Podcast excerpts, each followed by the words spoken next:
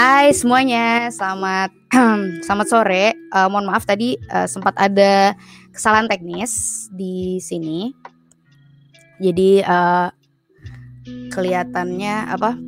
Tadi videonya sempat ada kesalahan teknis. Uh, tapi sekarang udah fine lagi. Semoga teman-teman bisa uh, lanjut nonton di video ini video Asyik Talks episode ketiga. Nah, selamat datang di Asyik Talks episode ketiga dengan judul Yes, I'm Bipolar, but here's what you probably don't know. Nah, dari judul aja udah tau lah ya kita bakal ngomongin apa nih kira-kira. Nah, tapi tapi mungkin uh, teman-teman di sini yang nonton uh, bisa jadi ODB, orang dengan bipolar, uh, yang baru didiagnosis terus kayak nggak tahu nih mau cerita ke siapa, kayak bingung pengen apa pengen dapet uh, pencerahan lagi uh, tentang pengalaman-pengalaman dari bipolar ini sendiri. Nah, jadi uh, kita uh, bentar lagi tuh bakal cerita-cerita sama uh, sama dua narasumber yang bakal uh, menginspirasi lah insya Allah. Nah, narasumber pertama pertama adalah Mbak Igi Oktamiasi. Mbak Igi itu adalah uh, founder juga dari Bipolar Care Indonesia, salah satu yayasan uh, bipolar di Indonesia. Dan kemudian narasumber kita yang kedua adalah Zarvan Trisnadi. Nah, Zarvan ini kebetulan juga adalah teman kuliah saya waktu kuliah di ITB kemarin dan uh, uh, beliau juga merupakan ODB orang dengan bipolar yang uh, hari ini juga bakal share tentang uh, pengalaman pengalamannya dalam uh, melawan bipolar disorder. Jadi uh, uh, langsung aja lah kita invite uh, dua narasumber keren kita ini, oke? Okay? Selamat datang. Halo, Baigi. Halo, Zarvan. Hai. Hai. Sorry lagi agak serak. Wah, lagi ini ya Mbak lagi batuk kayaknya apa lagi mau Mbak iya terus terus Oke. Uh, gimana kabarnya? Uh, baik-baik aja. Zarvan, uh, Mbak Igi? Baik, baik. Ah, ya, other than that, aku baik. Oke. Okay. Sekarang aktivitas ngapain aja kalau Mbak Igi sehari-hari? Aku bekerja di sebuah perusahaan jasa dan alat kesehatan as a okay. finance accounting gitu. Kalau Zarvan sekarang sehari-hari ngapain? aku lagi job seeking cuman terakhir aku jadi uh, recruitment consultant salah satu uh, headhunter company di Jakarta. Oke, okay. oke. Okay. Nah mungkin uh, hari ini tuh kita boleh diceritain gak sih Mbak kita bakal ngomongin apa sih hari ini kita uh, Maggie dan Zarvan? kita bakal ada nyapa nih Mbak. Hai Mbak Igi, hai Ashifa dan Zarvan. Halo. Halo. Hai, Om Tari. Aku kenal nih Tari. Apa kabar? Sepanjang Kita bakal itu. ngomongin mas our experience tentunya ya tentang bipolar. Okay. Ya jadi uh, oke okay, buat teman-teman yang udah hadir nih uh, pertama kita bukan psikiater, kita bukan psikolog, jadi kita hanyalah hmm. orang dengan bipolar. Jadi mungkin kita lebih ke sharing tentang pengalaman kita, bukan bukan secara medis banget, bukan dari kacamata psikologis banget, tapi lebih ke bagaimana kita uh, yang selama ini udah menjalani bipolar selama kalau aku sih setahun ya, kalau Zarvan sama Baigi nanti kita cerita lebih lanjut. Nah, oke, okay, nah tadi tuh sebenarnya di awal aku pengen ngeplay lagu, tapi uh, ternyata dibacanya uh, copyright sama YouTube. Makanya ini aku juga bikin live ulang. Jadi sorry ya guys ada kesalahan teknis. Nah padahal tadi lagunya itu lagunya Passion Pit. Nah Passion Pit itu adalah uh, Michael Angela Anglakos uh, vokalisnya itu juga orang yang mengidap bipolar. Bipolar type 1 biasanya kalau orang-orang yang baru didiagnosa tuh langsung nyari people with bipolar. Woi banyak banget cuy orang-orang keren di dunia ini. Jadi jadi kenapa tadi pagi aku pilih si Michael Anglakos? Apa lagunya Passion Pit? Maksudnya biar jadi bahan obrolan eh malah dibaca uh, copyright sama YouTube. Tapi nggak apa-apa. Uh, mungkin denger aku nyanyinya next time aja. Nah, mungkin sekarang biar makin paham lagi nih tentang bipolar karena tadi tuh video yang di awal sebenarnya insightful banget.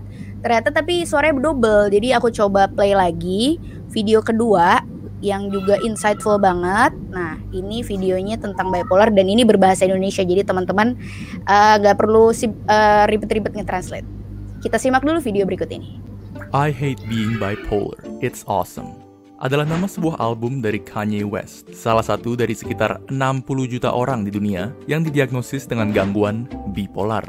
Gangguan bipolar, jika dilihat sekilas, mungkin dengan enteng dicap sebagai terlalu lebay atau cuma mood swing doang. Namun, sama seperti banyak gangguan kejiwaan lainnya, tak kasat mata bukan berarti tidak ada. Lalu, apa sebenarnya gangguan bipolar itu? Apa solusi untuk merawatnya? Dan mungkinkah Anda menderitanya? Untuk menjawab semua pertanyaan tersebut, mari kita simak dalam video ini.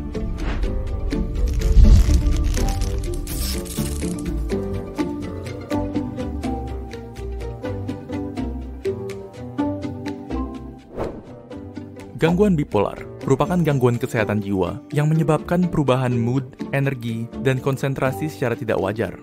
Seseorang yang mengalami gangguan bipolar I Hate Being Bipolar, It's Awesome adalah nama sebuah album dari Kanye West, salah satu dari sekitar 60 juta orang di dunia yang didiagnosis dengan gangguan bipolar. Gangguan bipolar, jika dilihat sekilas, mungkin dengan enteng dicap sebagai terlalu lebay atau cuma mood swing doang. Namun, sama seperti banyak gangguan kejiwaan lainnya, tak kasat mata bukan berarti tidak ada. Lalu, apa sebenarnya gangguan bipolar itu? Apa solusi untuk merawatnya? Dan mungkinkah Anda menderitanya? Untuk menjawab semua pertanyaan tersebut, mari kita simak dalam video ini.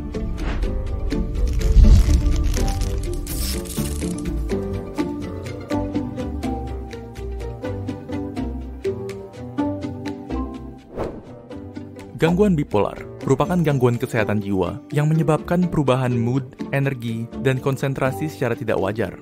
Seseorang yang mengalami gangguan bipolar akan berganti-ganti antara dua fase suasana hati yang berlawanan, yaitu fase mania dan fase depresi.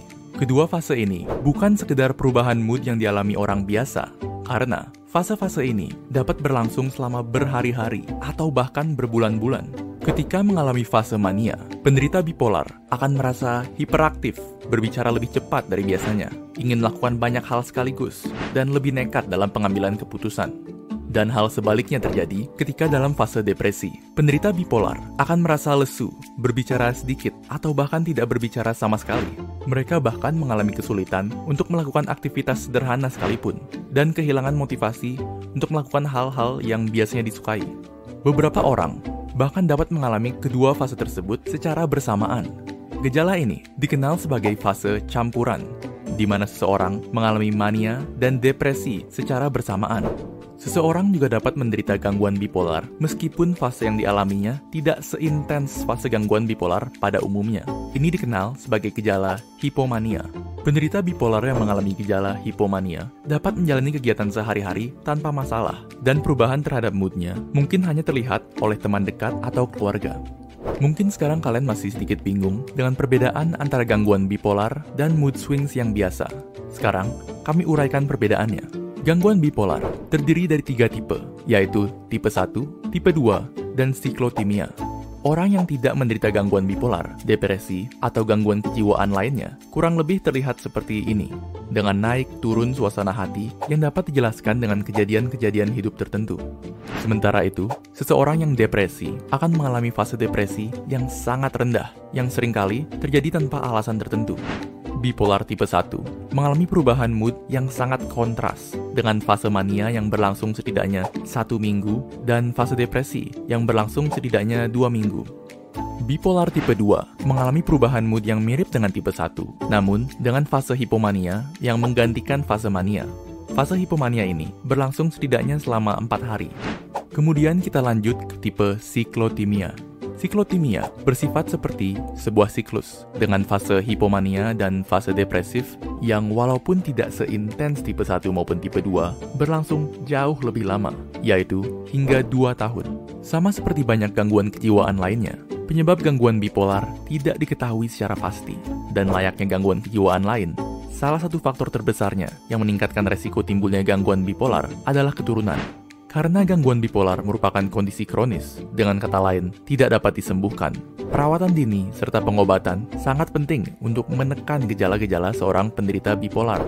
Apabila tidak dirawat, fase mania serta depresi penderita bipolar dapat berlangsung selama 6 hingga 12 bulan.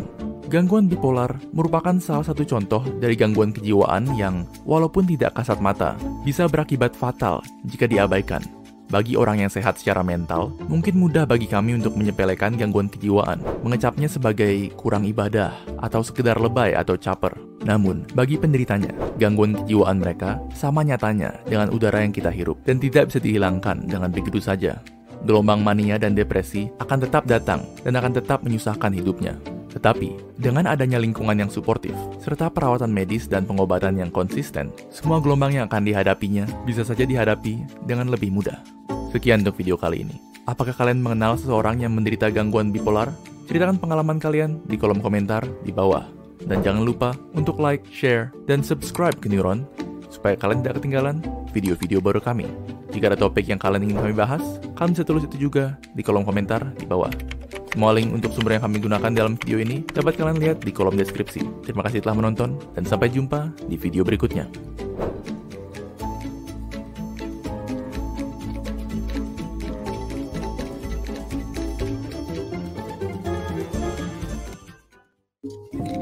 Nah, tadi udah nonton ya tentang video edukasi tentang bipolar. Bener banget gak sih di awal-awal tuh tadi ada dia cerita tentang kayak kurang ibadah, ah cuman mood swing doang. Nah, stigma nih, Lebay. stigma ya guys. Lebay katanya. Gimana guys? Lebay Ya. nggak guys? Ya, lebay, Orang yang menilai. lebay juga sih. Maksudnya ya itu udah stigma kayak tiap hari kita makan gak sih? Iya, makanya. Nah, makanya semoga abis nonton video kita hari ini orang-orang jadi lebih tercerahkan ya. Oke, kita langsung aja deh ngobrol.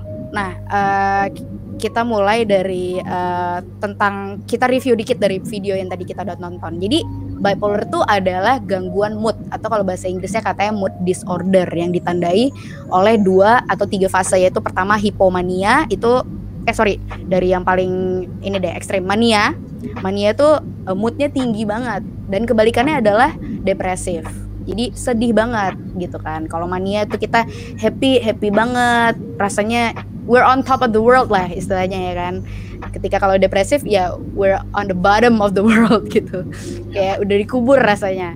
Nah ada fase yang tidak se, se severe mania dan tidak se-severe depresif eh, maksudnya tidak se-severe mania tapi moodnya tetap dihitung di atas yaitu namanya hipomania. Jadi uh, mini mania lah bisa dibilang. Nah terus ada juga jenis jenis bipolar. Ada bipolar type 1 type 2 dan satu lagi adalah siklotimia atau cyclotemic disorder. Kalau bipolar type 1 itu dia lebih ekstrim kondisinya. Eh, ketika mania dia mungkin manianya lebih tidak terkontrol dan juga ketika depresifnya juga bisa jatuh banget. Sedangkan kalau bipolar type 2 seperti kita-kita ini, Mbak Igi, Zarfan dan Ashifa eh, mungkin manianya juga lebih ke hypomania kali ya, Mbak ya. Dan juga eh, eh, depresifnya mungkin intinya ya tidak tidak sesevere teman teman-teman kita yang di bipolar type 1 dan sedangkan kalau cyclothymia itu eh, kalau nggak salah eh, correct me if I'm wrong itu dia durasinya lebih lama jadi dia kronis tapi selama satu sa- atau sampai dua tahun kalau nggak salah jadi kalau kalau agak apa nggak yakin dengan definisi dari yang saya bacain tadi bisa di Google aja tapi pilihlah sumber yang terpercaya gitu. Nah, oke enough about what is bipolar ya. Kita talk about the reality lah ya, reality lah ya Mbak Igi dan Zarfan. Kita mulai dari Mbak Igi nih, Mbak. Mbak Igi eh, itu kalau di antara kita ke- kita bertiga udah paling senior, paling lama didiagnose bipolar ya Mbak ya. Mungkin Mbak Igi boleh cerita nih eh, pertama kali didiagnosa bipolar itu bagaimana, kapan, dan kemudian bagaimana eh, Mbak Igi menghandlenya eh, secara pribadi dan juga bagaimana keluarga atau orang-orang terdekat Mbak Igi menghandle kondisi tersebut. Jadi kalau misalnya gejala sih aku udah ngerasa dari kecil ya. Em, tapi kalau kita langsung eh, ke diagnosa, waktu itu aku sebenarnya datangnya tuh ke internis karena aku tuh kayak ada tanganku tuh sering keringetan gitu. So katanya kan itu jantung or whatever lah. Oh, oke. Okay. Datang ke uh, dokter penyakit dalam, lalu diperiksa lah ada tiroid atau enggak, ada jantung dan sebagainya, penyakit fisik. Tapi hmm, nggak ditemukan apa-apa. Aku sih asumsi aku sih karena memang uh, kalau yang dari aku baca-baca memang itu karena uh, apa kelenjar keringatku aja yang berlebih. Tapi akhirnya di situ ditemukan bahwa aku ini sebenarnya uh, apa namanya um, memiliki kecemasan. Jadi aku dirujuk ke psikiatri. Uh, by the way anyway ini ini aku udah mau mati sebentar aku boleh ke Jarvan dulu bisa aku mau cas air laptopku Oke oke tenang tenang tenang. Kita ke Zarvan dulu ya kalau gitu ya.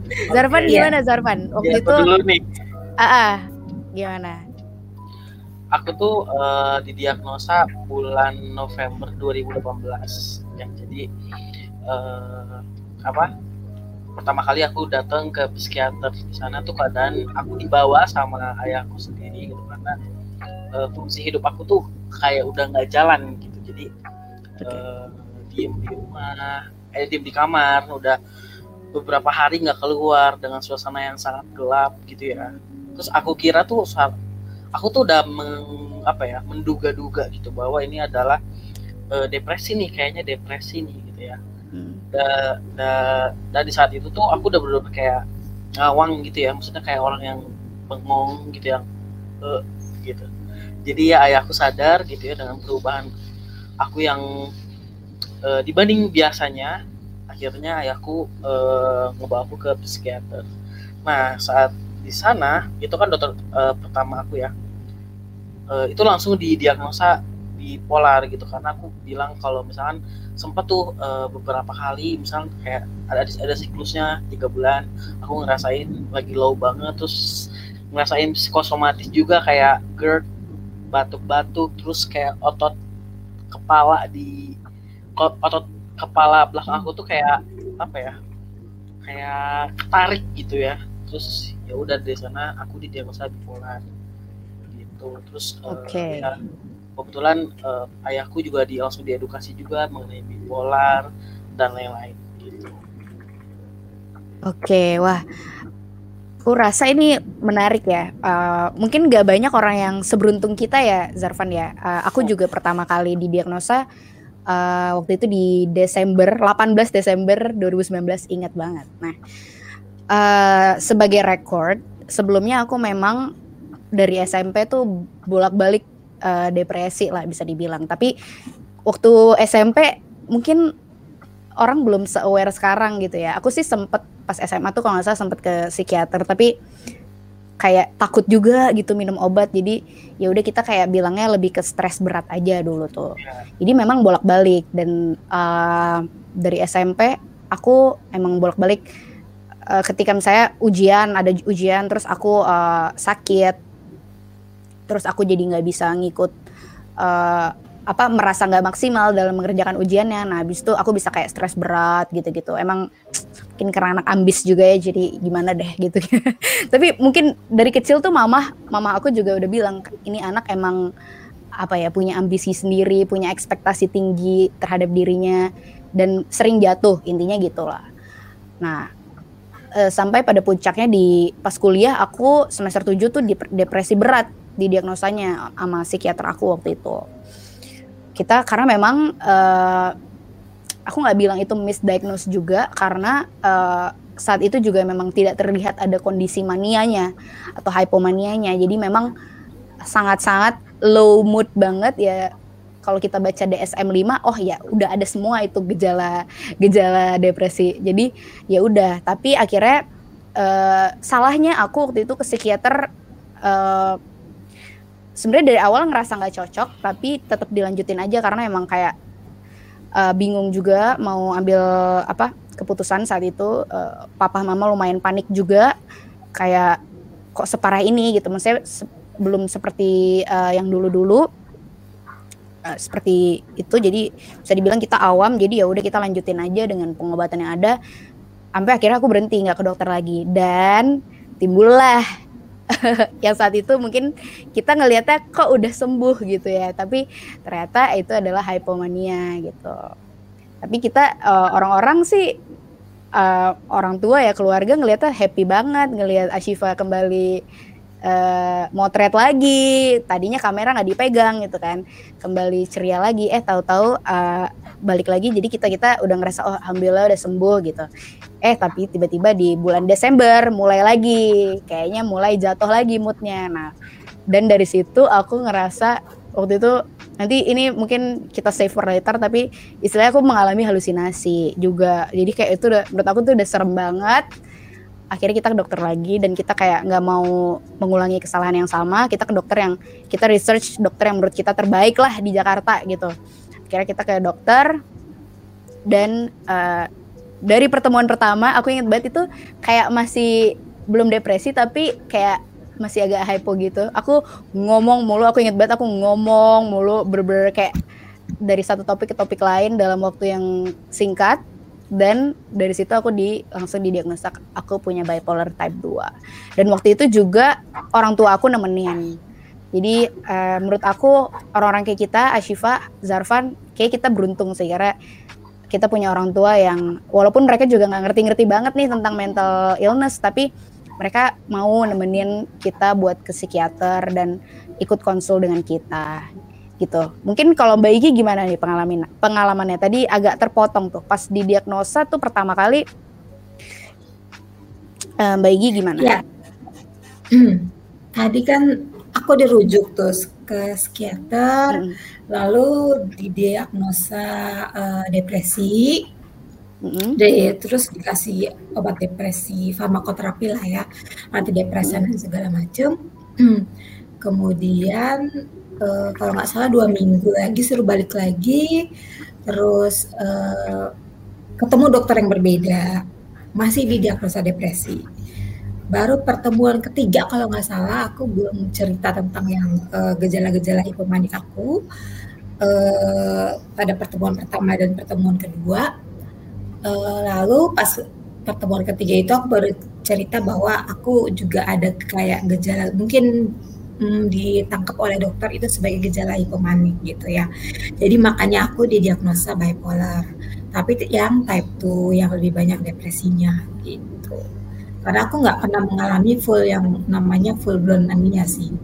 Jadi masih uh, apa ya ya hipomanik. Jadi uh, mania serupa mania tapi masih bisa dikontrol kayak gitu dan untuk kayak support system sih keluarga gitu ya justru uh, ibu aku uh, justru yang menyarankan aku untuk uh, apa namanya cek segala macam mulai dari uh, bilang bahwa it's okay kalau mau mau pergi ke psikiater it's okay gitu kayak gitu. Jadi lebih tahu uh, apa step selanjutnya yang harus yang harus dilakukan gitu. Kayak gitu sih. Before is too late gitu. Karena uh, aku ada pengalaman uh, sepupu aku tuh uh, apa namanya sempat parah gitu ya. Sempat mengalami yang sampai parah banget halusinasi dan sebagainya. Ini benar halusinasi. Uh, jadi uh, mungkin ya untuk mencegah hal-hal tersebut terjadi gitu ya karena udah ada pengalaman ya uh, ya udah dilanjutin aja gitu farmakoterapinya dan psikoterapinya gitu gitu sih itu tahun okay. 2013 which is berapa tahun lalu tuh tujuh tahun lalu 8 tahun lalu ya 8 tahun lalu dan itu berarti iya. usia Mbak Iki waktu itu berapa Mbak?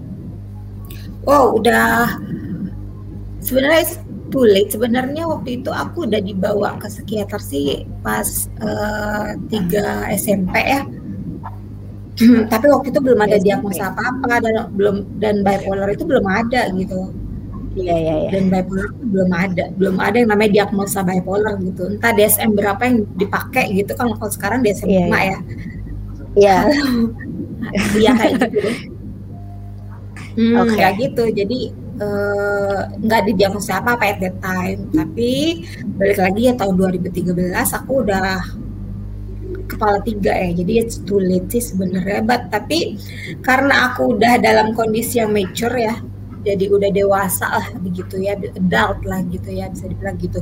Kan biasanya tuh biasanya uh, munculnya uh, apa gejala tuh muncul di dewasa muda jadi makanya mereka hmm. tuh masih agak labil gitu kan makanya masih galau dan sebagainya. Kalau aku udah di, di usia yang mature udah adult jadinya aku lebih ke relief sih. Oh selama ini aku begini. Oh aku jadi tahu stepnya begini begini begini begini. Jadi langsung tahu kayak gitu. Aku sih lebih ke relief sih Oke, okay. beda banget nih sama kita kita kayaknya ya, Dut. Eh, Zarfan ya. Iya, iya, Oke, kalau kalau Zarfan gimana nih? Uh, pas pertama didiagnosa, kalau aku pribadi sih sebelum aku ke dokter aku udah udah searching searching kayak aduh kayak gue ini deh gitu dan kayak udah overwhelmed sendiri dengan in informasi yang ada dan nggak sabar sebenarnya sih ketemu dokter dan kayak udah nyiapin mau, na mau nanya apa aja ke dokter. Nah kalau Zarfan waktu itu kayak gimana? Kalau aku sih cenderung udah ada ya menduga gitu ya, udah kayak hmm. depresi, akademik udah jelek banget, IP 1,9 di bawah dua, coba kayak wah, iya, nasakom, udah, iya nasakom, gila. Eh, kan masih satu koma ya maksudnya. Jadi sorry sorry. Udah benar gitu. Dari dari tiga fungsi itu kayak fungsi kan ada fungsi sosial fungsi produktif produktivitas sama fungsi lagi sebagainya uh, perawatan gitu kan. Nah fungsi perawatan misalkan fungsi produktif aku tuh udah nggak berjalan gitu kayak aku udah males banget kuliah terus kayak udah nggak ada semangat uh, untuk bangun dari kasur gitu ya. Terus kalau fungsi uh, tanggung jawab eh, fungsi sosialnya kayak aku udah aku tuh nggak ketemu sama orang aku narik orang dari siapa-siapa aku diem di kamar gitu ya kalau fungsi perawatan mungkin kayak aku nggak bisa tidur uh, terus cenderung kayak makan banyak bisa dia makan banyak bisa tiba-tiba makannya dikit gitu jadi kayak ada perubahan banget lah di sana gitu. terus uh, saat aku uh, datang ke psikiater itu kan kebetulan sama ayah aku itu kan di diagnos bipolar gitu ya terus itu biasalah kalau misalkan awal-awal ke psikiater kan biasanya bertahap kan satu minggu sekali terus dua minggu sekali gitu kan. Terus juga aku juga sama kayak mbak Igi aku dites juga uh, tiroidnya gitu kan. Uh, siapa tahu ada suatu hal yang salah gitu ya dari tiroid aku gitu. ternyata masih normal uh, normal gitu tiroid terus uh, dari sana uh, kan kebetulan juga apa ya ada isu lah gitu. Ada isu ada isu sesuatu yang ngebuat nge-trigger aku lah buat uh, depresi makin jauh ke bawah gitu ya istilahnya gitu. Jadi aku belum terlalu aware sama fase hipomanik yang aku rasain gitu ya. Nah tapi makin ke, makin ke sini masalahnya bisa diselesaikan jadinya tuh apa ya? Kan kalau orang lain tuh kayak di video tadi gitu ya kayak orang tuh iya ada penyebabnya gitu. Cuman kalau aku tuh sedih dulu baru aku ngerasain sedih kenapa gitu. Jadi misalnya gini hmm. okay. aku ngerasain sedih baru kayak ngerasain kayak why I am so uh, worthless like that gitu jadi sedih okay, okay. sedih dulu baru mikirin yang sedih gitu sedangkan kalau orang lain tuh mikirin dulu yang sedih baru jadi sedih gitu kalau aku tuh okay. sering banget baliknya gitu yang paling kerasa ya dari bipolar Oke, okay. oke, okay, unik. Oke, okay, kalau tadi kan uh, berarti kalau uh, Zarfan lebih ke merasa waktu itu fungsi hidupnya udah nggak udah nggak berjalan maksimal dari nilai kuliah udah jelek banget, udah nggak ada keinginan buat kuliah juga waktu itu. Baru akhirnya sama orang tua dibawa ke psikiater gitu. Kalau aku juga mirip-mirip sih uh, Zarfan, tapi kalau aku waktu itu memang ada trigger yang cukup besar yang uh, awalnya aku merasa aku bisa handle sendiri, tapi pada akhirnya eh, nggak uh, bisa. Karena ke fisik. Jadi mungkin kalau teman-teman ada yang familiar dengan istilah psikosomatis. Jadi psikosomatis itu adalah gangguan fisik uh, yang sebenarnya disebabkan oleh uh, psikologis atau mental kita. Nah waktu itu aku tuh bener-bener udah dua mingguan kalau nggak salah aku nggak bisa tidur, terus uh, pokoknya nggak bisa tidur aja nggak deg-degan gitu. Tapi sebenarnya pas capek, badan capek, pengen tidur banget sebenarnya. Uh, terus selain itu aku uh, aku mual-mual terus ya kan? Biasanya kan memang hubungan kalau stres gitu-gitu kan emang hubungannya ke lambung banget ya. Dan aku emang orangnya punya mah. Nah jadi aku bener-bener kayak uh, sering banget mual-mual sering banget ke UGD rumah sakit deket apa deket kampus aku. Kalau oh ya ini mah dikasih obat mah gitu kan. Tapi kok nggak sembuh sembuh gitu kan. Terus ke diare juga. Pokoknya itu bener-bener kacau lah kondisi fisik waktu itu. Tapi masih masih tough gitu ya. Masih berusaha kayak oh ya kuliah ya tetap kuliah gitu. Cuman kayak at some point kadang-kadang kayak aduh nggak kuat banget. Kayak nangis aja gitu nangis. Terus kayak jam satu pagi aku nelfon temen aku waktu waktu itu kan aku di Bandung nelfon oh, udah nggak sanggup lagi nggak tahu lagi bagaimana gitu kayak. Padahal waktu itu nggak tahu nggak jelas yang semuanya dipikirin sih. Kayak intinya semua trigger yang ada tuh dipikirin uh, jadinya burn out kali ya. Terus kayak nangis terus akhirnya si temen aku itu ke, ke kosan aku nemenin. Gila apalagi jam satu aku juga mikir gak bakal diangkat. Eh ternyata diangkat gitu. Jadi awalnya kayak gitu. Tapi akhirnya oh ya udah aku uh, aku coba uh, karena aku coba handle sendiri waktu itu. Pada akhirnya aku ngerasa udah nggak bisa handle akhirnya aku drop juga sih waktu itu. Drop tadinya kayak pengennya ya udah ke psikolog aja tapi nggak usah ngasih tau orang tua gitu. Terus tahu-tahu aku drop kondisinya. Kondisinya drop aku masuk UGD lagi. Karena kayaknya karena aku diare itu bener-bener nggak ada cairan lagi di tubuh aku kayaknya. Jadi dan eh, nggak uh, bisa tidur juga. Aku masuk UGD dan sebenarnya UGD juga nggak bisa ngapa-ngapain karena ini bukan penyakit fisik kan sebenarnya. Ini fisik tapi bukan disebabkan oleh fisik. Tapi ya udah kayak cuma dikasih obat uh, tidur sama uh, ya buat mahnya itu kan. Terus karena karena emang kondisi udah lemah banget badan lemah banget akhirnya aku di opnam. Op, aku opnam lumayan lama tuh opnam kayak uh, seminggu gitu. Nah, salah satu trigger terbesar waktu itu selain masalah keluarga adalah uh, masalah akademik. Yang sebenarnya baik-baik aja, tapi waktu itu aku kayak uh, jadi koordinator asisten gitu di uh, di lab di jurusan aku. Nah, itu merupakan suatu pressure tersendiri buat aku yang padahal sebenarnya nggak nggak nggak apa ya it's not that a big big deal gitu sebenarnya. Cuman aku sendiri lagi-lagi orangnya memang put expectation too high to myself. Uh, I wanna be the greatest assistant ever mungkin. I don't know. Jadi kayak I put myself in uh, in too much uh, pressure.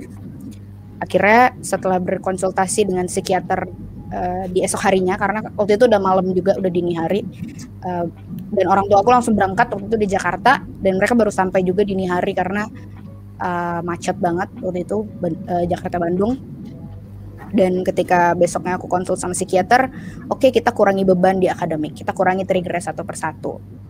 Aku mengundurkan diri jadi koordinator asisten dan aku membuang beberapa SKS matkul pilihan uh, di di jurusan aku. Karena um, uh, dan trigger yang satu lagi diusahakan untuk diselesaikan saat itu juga sebenarnya. Jadi sebenarnya oke okay, problem solve dong harusnya ya kan? Kita mikirnya logically gitu nggak sih?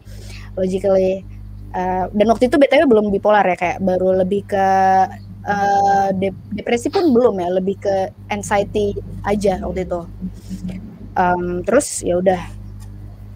Waktu itu psikiaternya di Bandung kan terus ya udah uh, oke okay, kita hilangkan uh, kita coba hilangkan trigger-trigger tadi tapi ternyata masih berlanjut. Efeknya itu impactnya itu udah terlanjur. Jadi kayak istilahnya udah terlanjur depresi. Dan ya kalau kita baca definisinya depresi sendiri itu biasanya minimal dua minggu gitu ya kan. Nah jadi udah mulailah perjalanan hidup yang panjang.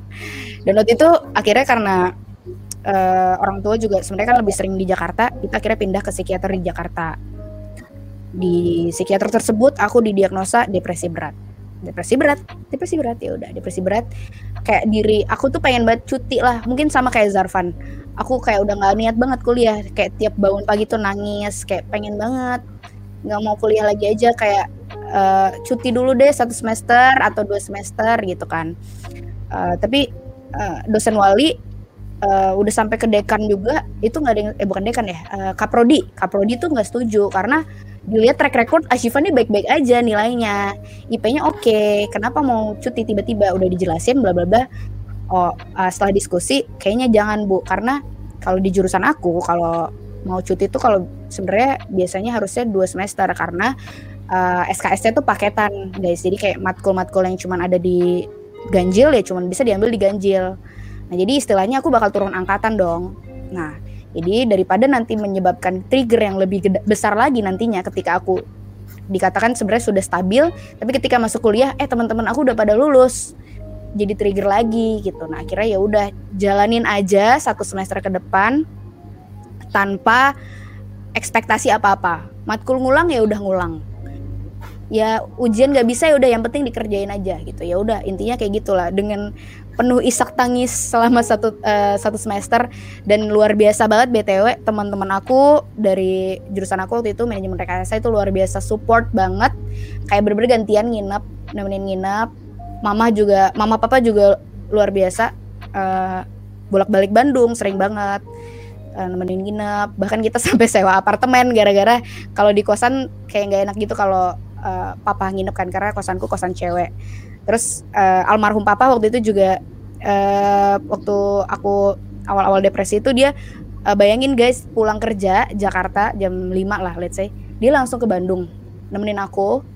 Subuh balik lagi ke Jakarta. Wah gila sih aku udah kayak uh, ya dia caregiver yang luar biasa lah. Walaupun kalau aku sih waktu waktu dia masih hidup aku banyak menyalahkan dia lah di hidup aku. Banyak merasa dia dia penyebabnya gitu. Bahkan sampai bahkan sampai hari sebelum dia pergi pun aku masih merasa seperti itu. Tapi tapi kalau kita lihat the big picture sebenarnya dia sudah sangat berusaha uh, untuk bisa menjadi caregiver yang baik. Intinya gitu. Sama mungkin seperti Mbak Igi dan uh, Zarfan orang tuanya juga support. Bahkan di Mbak Igi uh, justru ibunya yang me menyarankan untuk ke psikiater gitu. Nah itu juga yang aku alami gitu kan. Support aku dihujani oleh support support yang luar biasa. Dan tapi memang waktu itu karena merasa ada ketidakcocokan dengan dokter dan merasa hopeless juga kok nggak sembuh sembuh ya depresi ini gitu kan. Uh, kayak ya capek gitu kan. Akhirnya kayak ya udahlah nggak usah ke dokter lagi minum obat juga udah udah apa ya udah nggak nggak beraturan. Biasanya kan minumnya kalau bisa di jam yang sama gitu gitu kan itu aku udah kayak udah nggak peduli banget. Kadang kalau pergi juga obat nggak dibawa karena kayak udah males banget. Gitu gitu. Terus akhirnya ya udah uh, itu kesalahan aku juga dan keluarga uh, yang ya itu ternyata bisa. Tapi kalau aku nggak kayak gitu bakal mungkin nggak bakal tahu ya kalau aku bipolar sekarang. Cuman intinya karena aku sempat uh, apa ya meninggalkan uh, pengobatan yang seharusnya dijalanin itu aku membaik sendiri tapi ternyata kondisi membaik itu adalah transisi ke episode satu lagi yaitu uh, hipomania karena aku mungkin bukan full blown mania. Nah, ketika aku ketika aku hipomania itu ya mungkin uh, Zarfan udah kenal aku mungkin bisa memperhatikan dari sosial media ya. mungkin gimana sih kayak jadi lebih pede gitu ya kan. Kayak aku waktu itu bikin bisnis tuh Ashifa fotografi, tapi it's a blessing sih. Aku bikin Ashifa fotografi. Dan itu kayak bener-bener aku mungkin annoying kali ya orang-orang ngelihatnya kayak bener-bener uh, hard selling banget di IG ngepost mulu. Terus kayak jadi lebih pede sering ya sering update lah. Pokoknya orang-orang yang kenal aku terutama yang dekat itu ngerasa kayak Ashifa beda deh gitu. Tapi nggak tahu ini apa gitu. Orang-orang tuh nggak tahu perbedaan itu apa nggak bisa ngedefinisiin. Terus akhirnya uh, ketika suatu hari aku merasa kayak mulai down lagi dan mengalami halusinasi. Nah awalnya tuh halusinasinya ringan guys. Jadi aku belum bisa tidur waktu itu. tiba tiba-tiba kayak denger suara konstruksi orang konstruksi gitu sebelum tidur kayak malam-malam gitu kan. Tapi kayak aku, aduh mandi gitu kan terus kayak yaudahlah uh, tidur aja tidur aja karena itu kan bisa jadi bisa jadi hantu juga kali ya kan terus terus ya udah uh, besoknya aku pas pulang ke Jakarta pas di Gojek eh di ojol aku naik ojol pakai helm tapi kayak denger suara-suara aneh gitu. Pokoknya aku kayak nggak bisa definisiin intinya aku mendengar suara-suara aneh. Terus kayak wah udah deh ini kayak nggak bener nih ada yang nggak bener nih gitu. Di samping memang waktu itu ada suatu trigger uh, yang bikin aku mikirin sesuatu banget jadi overthink banget. Jadi agak transisi ke depresif sih sebenarnya kayaknya ya. Terus ya udah uh, sampai puncaknya pas aku di Jakarta itu aku sebelum tidur juga nih belum tidur. Kayak biasa kalau rebahan kan kayak udah nggak main HP sih tapi udah tiduran gitu. Terus aku mendengar eh, enggak bukan mendengar kayaknya belum kayak masih merem melek deh. Jadi kayak belum rebahan dan masih buka mata. Terus tiba-tiba aku melihat di samping aku tuh ada orang gitu di samping tempat tidur aku. Terus kayak dia ngomong aku lupa ngomong apa tapi intinya kayak sore aneh. Terus tiba-tiba aku ngelihat ke depan ada dementor dong guys. Serem banget gak sih? Jadi gak tahu pokoknya aku kalau yang nonton Harry Potter tau lah. Aku sih aku aku aja ngeliat di film takut ya dementor. Nah ini tuh di film di reality aku melihat itu gitu. Dan dia kayak serasa ada di badan aku masuk ke badan aku dan segala macam. Dan waktu itu aku ngerasa aku nggak bisa gerak.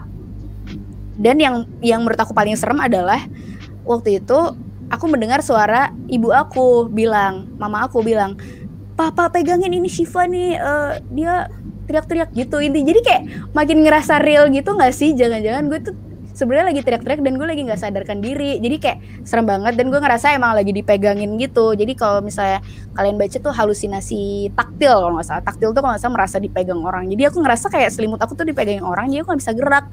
Kayak aduh nggak tau deh itu serem banget. Menurut aku itu serem banget. Tapi akhirnya kayak aku berusaha untuk coba sadar gitu ya.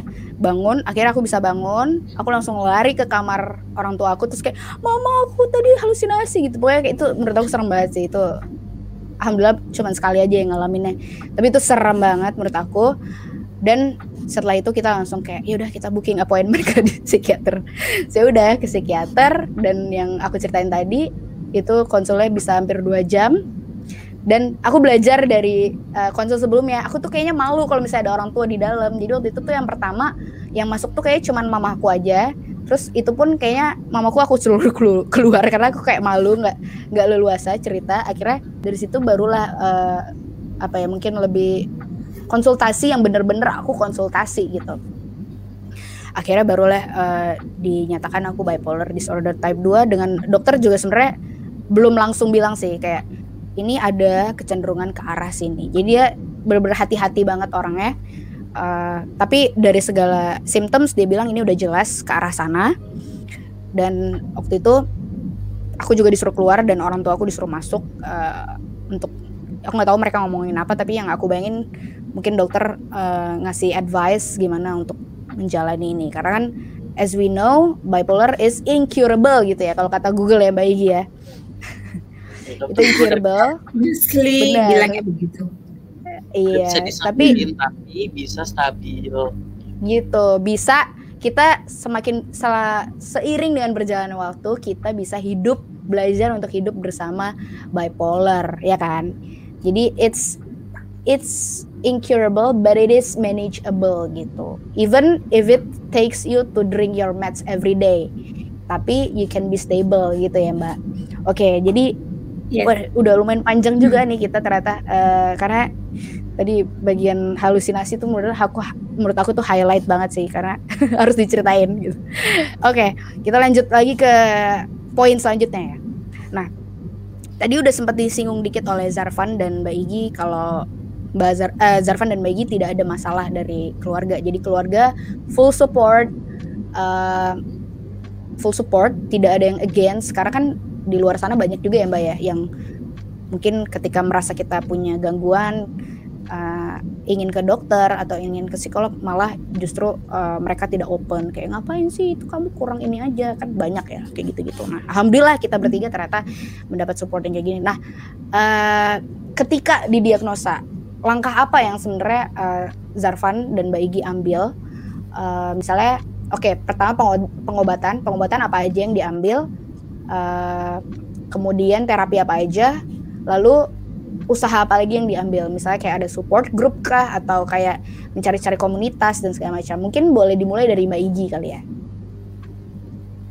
hmm. kalau aku farmakoterapi pasti ya hmm. terus psikoterapi um, kemudian aku uh, kebetulan ketemu peer teman-teman yang juga mengalami hal yang sama seperti aku, so aku bebas cerita hmm, tanpa takut dijudge. Dan di situlah sebenarnya bipolar care Indonesia terbentuk gitu. Oke. Itu berarti Karena, orang itu adalah Mbak Vindi. Yes, salah satunya Oke. sebenarnya kita ada lima orang. Salah satunya uh, Vindi. Uh, jadi um, yang sekarang masih aktif memang aku dan Vindi gitu. Tapi semenjak kita buat yayasan, kita uh, kemudian kita jadi ada founder founder baru. Foundernya kan harus lima ya. Oh. Kalau di di di, di akte itu. Oh, menurut oke. notarisnya. Mm-mm. Oke, Gitu. berarti kalau Mbak Egi mungkin karena udah dewasa kali ya, Dut. Jadi kayak langkah yang diambil tuh keren gitu, kayak eh apa dia langsung bertemu Iya, apa iya. keren. Jadi eh, revo- Kalau aku- revolutionary bisa dibilang. mungkin ya. aku kayak mungkin aku kayaknya eh, struggling aku tuh sebelum aku didiagnosa justru malah Hmm. itu start Oke. struggling banget luar biasa gitu tapi setelah didiagnosa aku malah jadi relief karena aku bertahun-tahun aku merasa kayak what is happen what was happening to me gitu kayak kenapa nih Iya, gue iya. kok gue beda kok gue ini itu ini itu ini itu pas didiagnosa gue kayak ah oke aku dapat jawabannya kayak gitu sih aku Kayak lebih kayak gitu sih Pantes gitu ya. Oh, Mm-mm. pantes gitu gak sih? Iya, iya, Iya. iya, iya, oke. Kalau Zarvan gimana Zarvan tadi? eh, langkah apa aja yang kamu ambil buat eh, menanggulangi eh, mood disorder yang kita miliki itu? Eh, pertama yang pasti medikasi ya medikasi gitu psikiater nggak pernah bolong nggak pernah berhenti juga karena eh, sudah apa ya psikiaterku agak cukup galak juga ya apa ya ya cukup galak lah buat kayak kamu harus rutin dan harus jangan bolong obatnya gitu terus aku juga ikut eh, ikut aku juga terapi brain spotting sama salah satu psikolog Oh juga iya, brain spotting pernah denger tuh.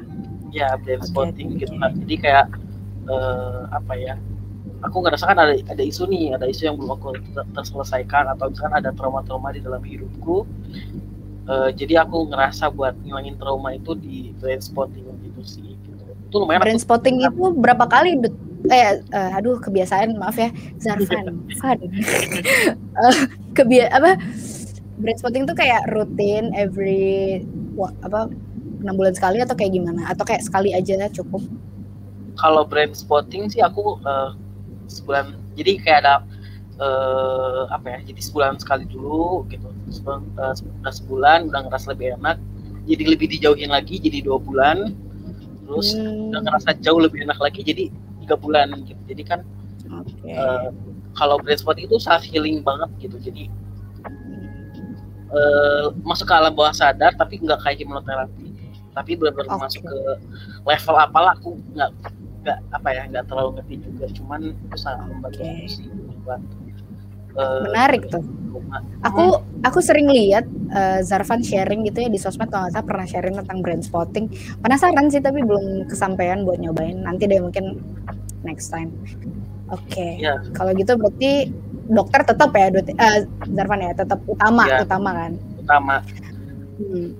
Oke, jadi mungkin dari dua orang ini teman-teman yang nonton, terutama teman-teman yang ODB, eh, mungkin apa ya pengobatan, eh, medication atau far- farmakoterapi. Jadi minum obat itu dan ke psikiater dengan kita psikoterapi itu menurut aku yang paling utama dan sudah terbukti nih dari Zarvan dan Bagi dan juga aku.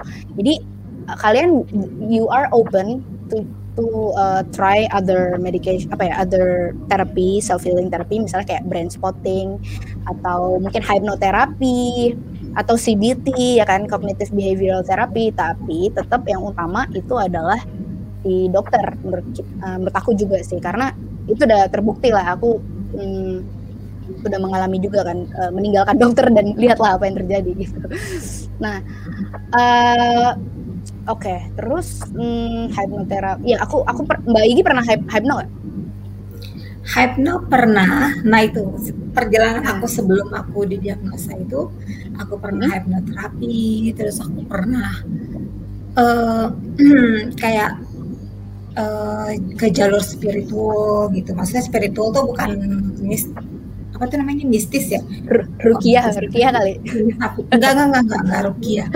Eh, kayak eh, aku belajar tentang uh, agama gitu. Agama aku oke agama Muslim agama Buddha agama macam-macam gitu. Okay, aku lebih kayak ke spiritualism sih. Hmm. gitu. Makanya aku tuh udah kayak sebenarnya pas aku didiagnosa tuh aku sebenarnya udah secara secara mental gitu aku udah sedikit lebih ajak gitu kali ya. Sudah sedikit lebih okay. lebih lebih lebih. Kayaknya aku bipolar it's okay sih gitu menurut aku it's it's just label gitu kan yes. ketika gejalanya muncul udah gitu doang okay.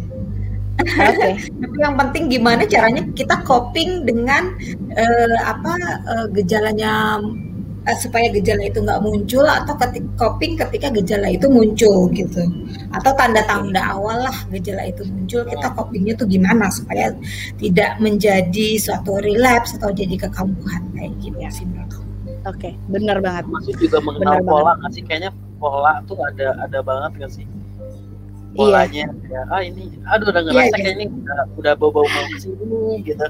Kayak udah oh, mulai iya ngomongin pola aku jadi inget jadi sebelum aku ke dokter lagi pas aku ngalamin halusinasi aku tuh sampai ngerekap belanjaan aku apa aja. Aku aku kan anaknya online banget nih. Ada di e-commerce hijau di e-commerce oren aku tuh aku rekap tuh belanjaan aku. Alhamdulillah aku belajar belanja online ya. Jadi ke ke detect gitu. Aku hitung dong itu nyampe 100 juta ternyata dalam kurun waktu enam bulan. Jadi itu kayak wah ini udah kayak wah ini luar biasa sih. Itu kayak dan spending money parahnya itu bukan dari duit sendiri juga ya. Ada beberapa yang kayak pakai cece bokap gitu. Jadi kayak si bokap juga kayak teriak-teriak tuh kayak wah ini siapa yang pakai? Gitu gitu jadi jadi ini, itu ya kalau misalnya kita lihat gejala hypomania kan memang itu ya um, binge bisa ada binge eating binge shopping. Nah, binge shopping itu aku binge ada banget. Watching. iya, binge watching juga. Uh, jadi kalian uh, mungkin buat teman-teman yang masih clueless uh, tentang bipolar atau mungkin kayak baru didiagnosa misalnya uh, pasti overwhelmed dengan segala informasi yang ada.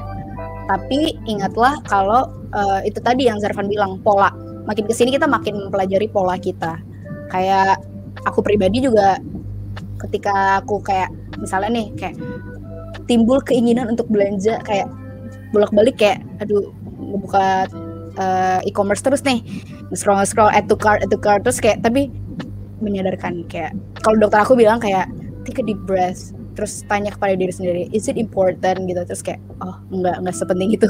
Nggak jadi. Gitu. Jadi jadi ntar ntar makin ke sini insya Allah sih makin uh, apa ya makin makin tahu lah, makin mengenal diri sendiri. Jadi sebenarnya blessing in disguise. Nah kita langsung ngomongin nih blessing in disguise dari bipolar nih. Kalau menurut aku ya, pertama kita jadi mengenal diri kita sendiri. Kalau menurut aku sih, uh, karena siapa sih sebenarnya orang yang bisa memahami diri sendiri? Kayak nobody knows gitu sebenarnya kan. Tapi ketika kita uh, bipolar, contohnya kalau aku pribadi, aku jadi explore. Aku explore aku baca jurnal bipolar banyak banget. Aku sempat subscribe ke website mental health buat cari tahu lebih banyak tentang bipolar. Terus aku jadi sadar kayak oke okay, I am special and I have to get to know to myself to control myself gitu. Jadi itu mungkin bukan sebuah apa ya bukan uh, sebuah hal yang bisa dialami semua orang. Jadi kalau buat aku sih itu. Nah kalau buat uh, Mbak Igi atau dari Zarvan dulu deh Nah kalau Zarvan, gimana menurut Zarvan?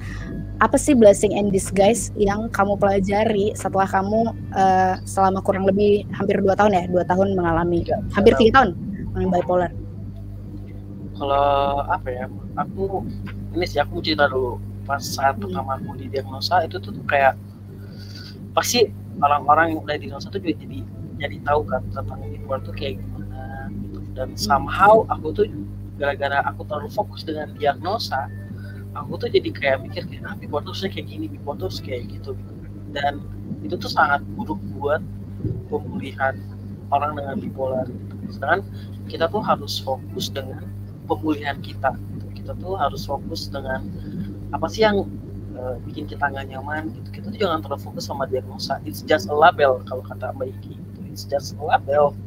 And ya udah gitu. Dan kita harus cuma harus fokus ke ketidaknyamanannya mau mau bipolar tipe 1, 2, siklotimia, mau depresi, mau ADHD, whatever it is, kayak kita harus fokus sama uh, pemulihan kita gitu. Because we deserve to have a, a well-being ya so well-being gitu.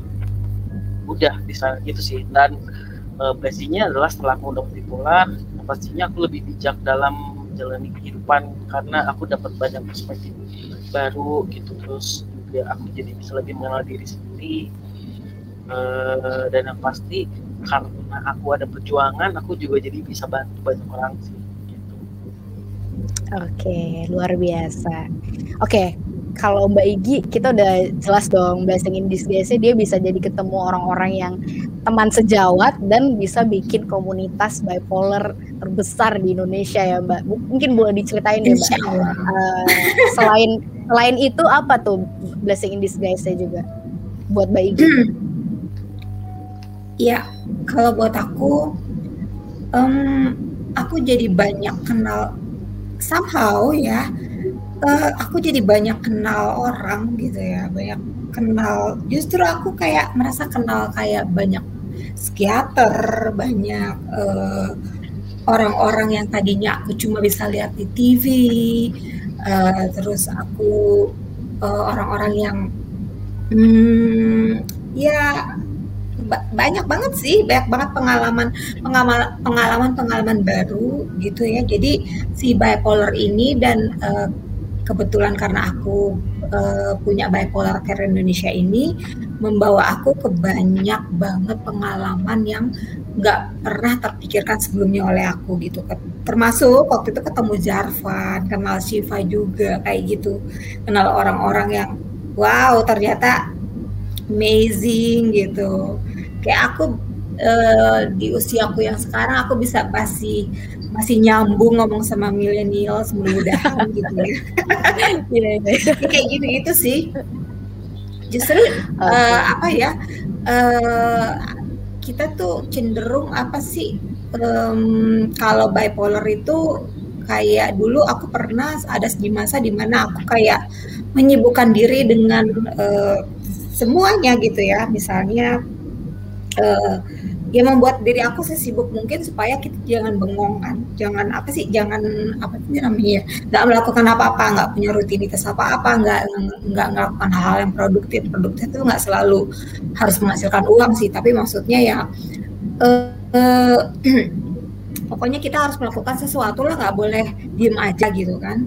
Karena nanti itu nanti bakal uh, jadi bumerang buat kita untuk kayak timbul pikiran negatif dan bla bla bla kayak gitu efeknya nggak bagus lah So dari kesibukan-kesibukan yang mula aku uh, apa namanya aku buat sendiri, aku buat buat sendiri gitu ya. Akhirnya datang kayak opportunity ini, opportunity itu gitu. So a lot of opportunities that I've got gitu dan kayak itu membuat aku kayak really gitu aku kayak sampai di titik ini juga aku nggak nggak nyangka gitu loh karena dulu aku orangnya pemalu banget.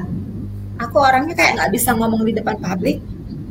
Even kayak uh, apa namanya uh, suruh ngomong nggak usah ngomong di depan publik yang banyak gitu ya sampai nonton yang nonton tuh ratusan ribuan gitu. Nggak ribuan sih misalnya kayak ratusan aja gitu kayak it's impossible for me. But hari ini nonton sejuta loh mbak. kenapa ini sekarang yang nonton sejuta loh. Udah bukan ribuan lagi. Amin ya, amin. makanya. Ya, amin.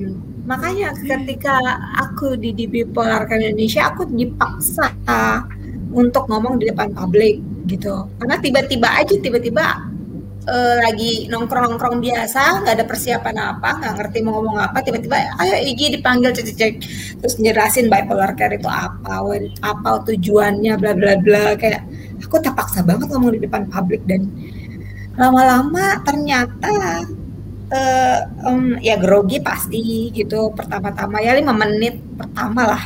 Tapi selanjutnya it kayak it easy. Bahkan kayak it's kayak kalau tahu apa sih highly sensitive person tuh justru uh, highly sensitive person tuh butuh itu. Jadi aku aku jangan-jangan aku nih highly sensitive person gitu. Kalau highly sensitive person tuh kayak uh, seseorang yang sebenarnya introvert tapi kayak dia tuh dapat energi dari perhatian attention gitu. Jadi ternyata ngomong di depan publik dan di oh, dengerin orang dapat attention dari orang itu kayak memberikan uh, suatu energi buat aku sih. Untuk menjalani hari aku hari-hari aku rutinitas gitu ya. Kerja making money and then bla bla bla something like that gitu. Tapi ya namanya juga highly sensitive person itu bedanya dengan uh, extrovert. Itu kayak extrovert itu kan nggak nggak mesti eh, nggak uh, nggak absorb gitu ya nggak absorb uh, sekelilingnya gitu. Nah kalau si highly sensitive person karena dia ya namanya juga highly sensitive ya jadi dia absorb gitu karena empatinya terlalu tinggi. Makanya kita butuh waktu sendiri gitu. Tapi kita juga butuh spotlight untuk uh, apa namanya um, energi. Apa sih namanya membangun energi gitu. Oke okay, gitu Sih. nah kalau Mbak Igi sama Zarvan sendiri pernah nggak sih ngalamin uh, mungkin aside of pas pertama baru didiagnosa se setelah itu pernah nggak sih ngalamin relapse kali ya? Atau atau kayak suatu momen yang uh, either itu hypomania banget atau either itu depresif banget yang uh, sempat mengganggu kehidupan. Misalnya let's say mengganggu pekerjaan atau rutinitas sehari-hari. Nah itu mungkin boleh diceritakan uh, dimulai dari Mbak Igi kali ya, karena Mbak Igi lebih senior nih. Aku uh, untuk relapse yang paling uh, parah adalah ketika sebenarnya masih berhubungan dengan uh, bipolar care Indonesia sih. Ada time uh, waktu itu ada World Bipolar Day, acaranya lumayan besar dan kita butuh dana banyak dan sebagainya. Tiba-tiba project officer aku sakit dan bukan sakit biasa, jadi dia sampai sekarang masih sakit, uh, kayak lumpuh gitu. Uh, ya, kayak dia sekarang udah bisa duduk di kursi roda kayak kayak anyway jadi aku yang take over uh, apa semuanya gitu nah karena aku kan bekerja at that time ya dan di aku kerja di multinational company di mana di situ ada kode etik nggak boleh ada konflik of interest. Okay. Nah di situ aku kena konflik of interest. Jadi aku dianggap aku dipanggil sama HRD, aku dianggap lebih mementingkan komunitas aku daripada perusahaan. Oh, Padahal no. perusahaan itu lagi butuh-butuhnya sama aku. Jadi uh, sebenarnya aku cuma dibilang gini sih, nggak kena SP1, SP2, apalagi pemecatan, nggak. Cuman aku dibilang back to track lagi gitu dia bilang gitu. Kan yang bayar kamu siapa? Yang bayarin kamu sakit uh, maksudnya kalau kamu sakit misal pilek whatever kan aku asuransi ya. Karena multinational company jadi nggak pakai BPJS pakai asuransi tapi tetap kan asuransi itu nggak bayar kejiwaan ya kejiwaan aku bayar sendiri. Jadi uh, kayak batuk pilek dan sebagainya sakit-sakit yang lain gitu juga di cover sama asuransi itu sekarang HRD-nya yang bayar kesehatan kamu siapa yang bayar gaji kamu siapa. Kok kamu lebih mementingkan ini? Ya udahlah aku kena conflict of interest. And then ya udah uh, at the time back to track. Tapi at the time aku juga memutuskan untuk kayak keluar aja karena aku lagi manik aku lagi uh, lagi bukan manik ya apa sih namanya lagi hipomanik gitu ya jadi aku berpikir kayaknya aku nggak kerja di sini aku juga bisa kok bilang gitu ya Oke. Okay. Aku berpikir okay. is, possible sih aku kerja dapat kerja yang lain dan itu is very easy aku bilang gitu.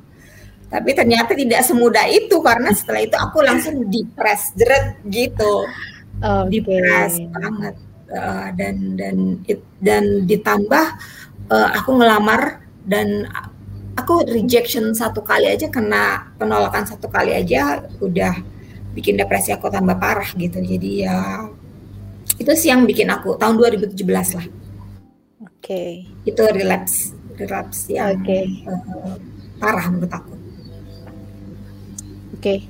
menarik sih uh, cerita Mbak Igi karena memang kalau misalnya kita lagi hipomanik gitu ya atau ya even lagi depresi juga sih. Kita nggak bisa apa ya mengambil keputusan tuh agak harus berhati-hati gitu ya. Iya, Iya kan kayak kayak aku juga mungkin yang pas aku pas kuliah lah ya kayak pengen cuti aja gitu gitu kan. Itu kan sebenarnya keinginan mungkin at that time I feel very very depressed dan I feel uh, very unable lah to continue my studies. Tapi coba deh kalau dipikirin aku kalau cuti ya mungkin aku sampai sekarang belum lulus terus kayak anxious. Eh, apa anyway aku nggak cuti aja tuh lulusnya juga telat gitu kan. Jadi jadi mungkin malah nanti jadi trigger baru. Bener banget. Jadi mungkin buat teman-teman yang nantinya mengala eh, apa ketika sedang dalam menjalani hari-harinya sebagai seorang bipolar eh, bisa harus tetap jangan kalau bisa campur tangan dengan emosi itu dikurangi gitu. Jadi kayak misalnya aku juga sempet lah kesel gitu kan sama hmm, suatu hal lah. Misalnya di bisnis aku dia jiwa fotografi ih sebel banget nih sama si dia apa gue ini aja ya gitu kan. Eh, kayak gitu-gitu kan. Terus tapi ya udah coba eh, jangan inilah jangan terlalu jangan impulsif dalam mengambil keputusan. Karena at that time pasti kita ngerasa kayak ah ya udahlah gue bisa kok ngerjain sendiri. Atau kayak misalnya Mbak Igi kemarin gue bisa kok nyari kerja lagi gitu-gitu ya Mbak ya. Tapi ternyata oh tidak semudah itu Ferguson gitu ya kan. Malah jadi depresi jadi ya Iya, jadi kita harus make sure, make sure ketika kita membuat keputusan itu adalah keputusan yang terbaik. Dan itu kalian juga udah menanyakan ke orang-orang yang apa ya, yang kondisinya ada di kondisi yang lebih baik daripada kita. Ini keputusan gue bener nggak sih? Kayak Hmm. kalau bisa kayak kalian validasi dari bikin- orang lain itu penting banget Iya kita bikin SWOT analysis juga nggak apa-apa deh kayak aduh kayak kuliah lagi tapi nggak apa-apa. Yang penting kita nggak nggak ini kayak kita ibaratnya dalam hidup kita supirnya nih tapi kita nggak tahu jalan nih. Kalau ada teman kita yang bantu megangin Google Maps kan kita bisa dibantu gitu kan istilahnya gitu lah. Jadi itu pengalaman bayi menarik banget menurut aku. Jangan sampai kita ngalamin ya guys. Nah oke tadi kita udah ngomongin banyak banget ya eh, topik-topik apa poin-poin penting yang udah kita omongin hari ini. Nah sebelum kita masuk ke sesi tanya jawab kita dengerin lagi deh tentang Mbak Igi di Bipolar Care Indonesia. Apa sih yang sebenarnya eh, memotivasi kali ya Mbak ya, memotivasi untuk bisa build komunitas bipolar dan juga eh, apa ya? Ya kayak yang aku bilang di awal tadi, aku sendiri eh, merasa kadang yang ngurusin diri sendiri aja tuh udah susah gimana lagi bikin suatu komunitas ngurusin komunitas dan di mana di dalam komunitas itu banyak orang-orang yang mungkin datang kepada kita kayak curhat gitu ya eh, pada kita. Nah eh, itu gimana sih mbak Igi eh, dalam menjalaninya gitu? Mungkin bisa dijelaskan dulu dari overview tentang organisasinya itu sendiri. Iya, kalau dulu tahun 2013 mungkin belum banyak ya, atau mungkin eh, aku kurang kurang paham ya. Yang jelas wadah untuk orang-orang dengan bipolar ini, apalagi istilah bipolar itu masih baru ya, belum banyak diketahui sama orang kayak gitu. Akhirnya kita kayak ngebentuk wadah sih sebenarnya untuk orang dengan bipolar dan caregivernya.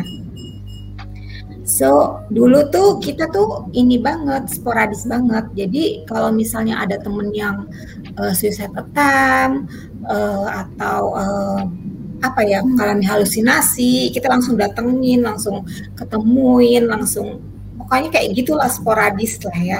Tapi lama-lama kok kayak capek juga gitu. Sementara aku harus kerja juga, making money juga karena aku benar-benar nggak making money di bipolar ke Indonesia.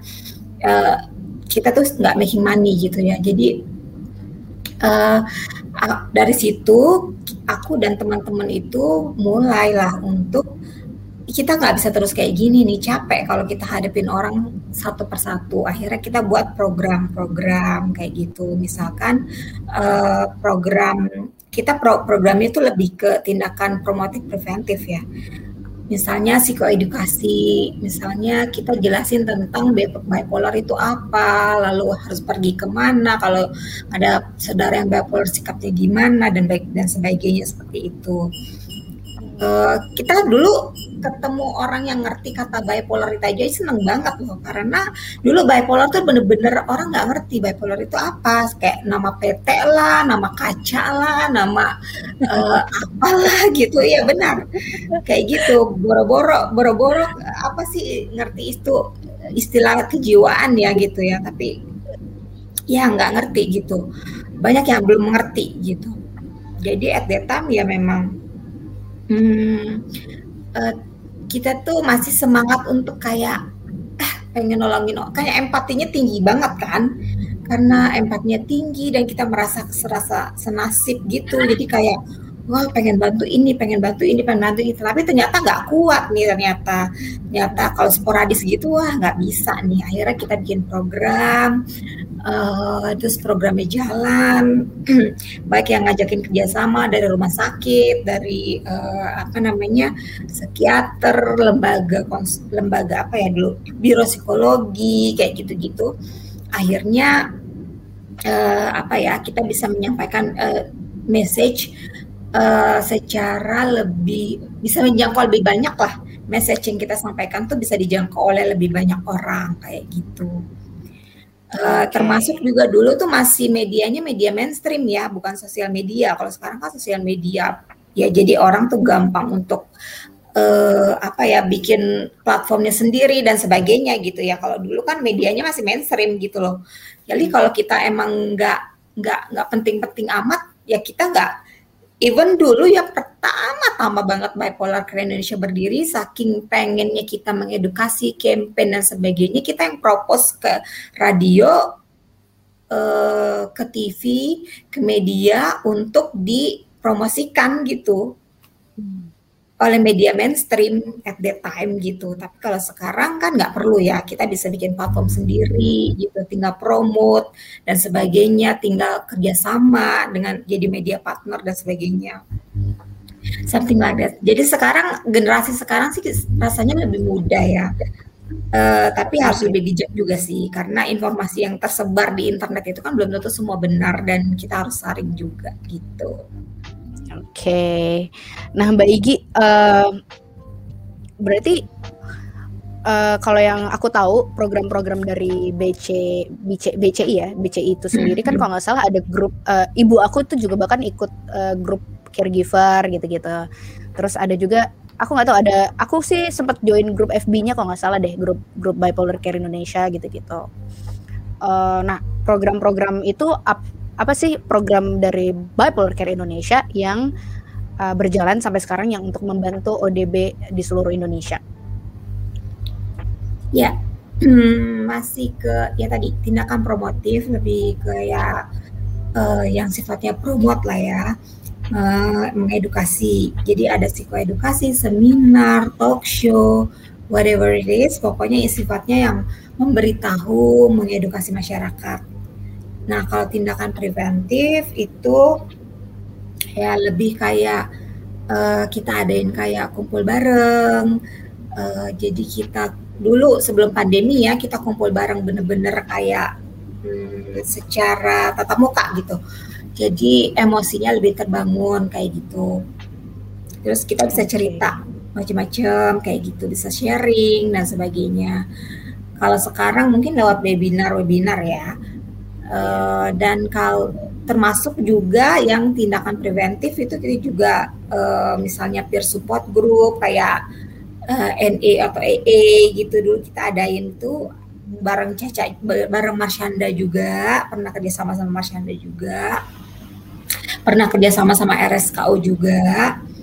Uh, itu nah kalau sekarang tuh memang diadainnya uh, lebih ke ini ke apa namanya ke virtual gitu masih ada sih kayak misalnya cuman kita nggak pernah publish kalau untuk yang kumpul bareng uh, itu khusus untuk member dan kita tuh nggak emang benar-benar terjaga gitu jadi kalau yang namanya peer support, yang namanya kumpul bareng, yang ada sharing-sharing tentang cerita yang sifatnya pribadi kan ada nggak semua orang itu uh, apa namanya terbuka ya speak up ya, tentang ya, keadaan mereka.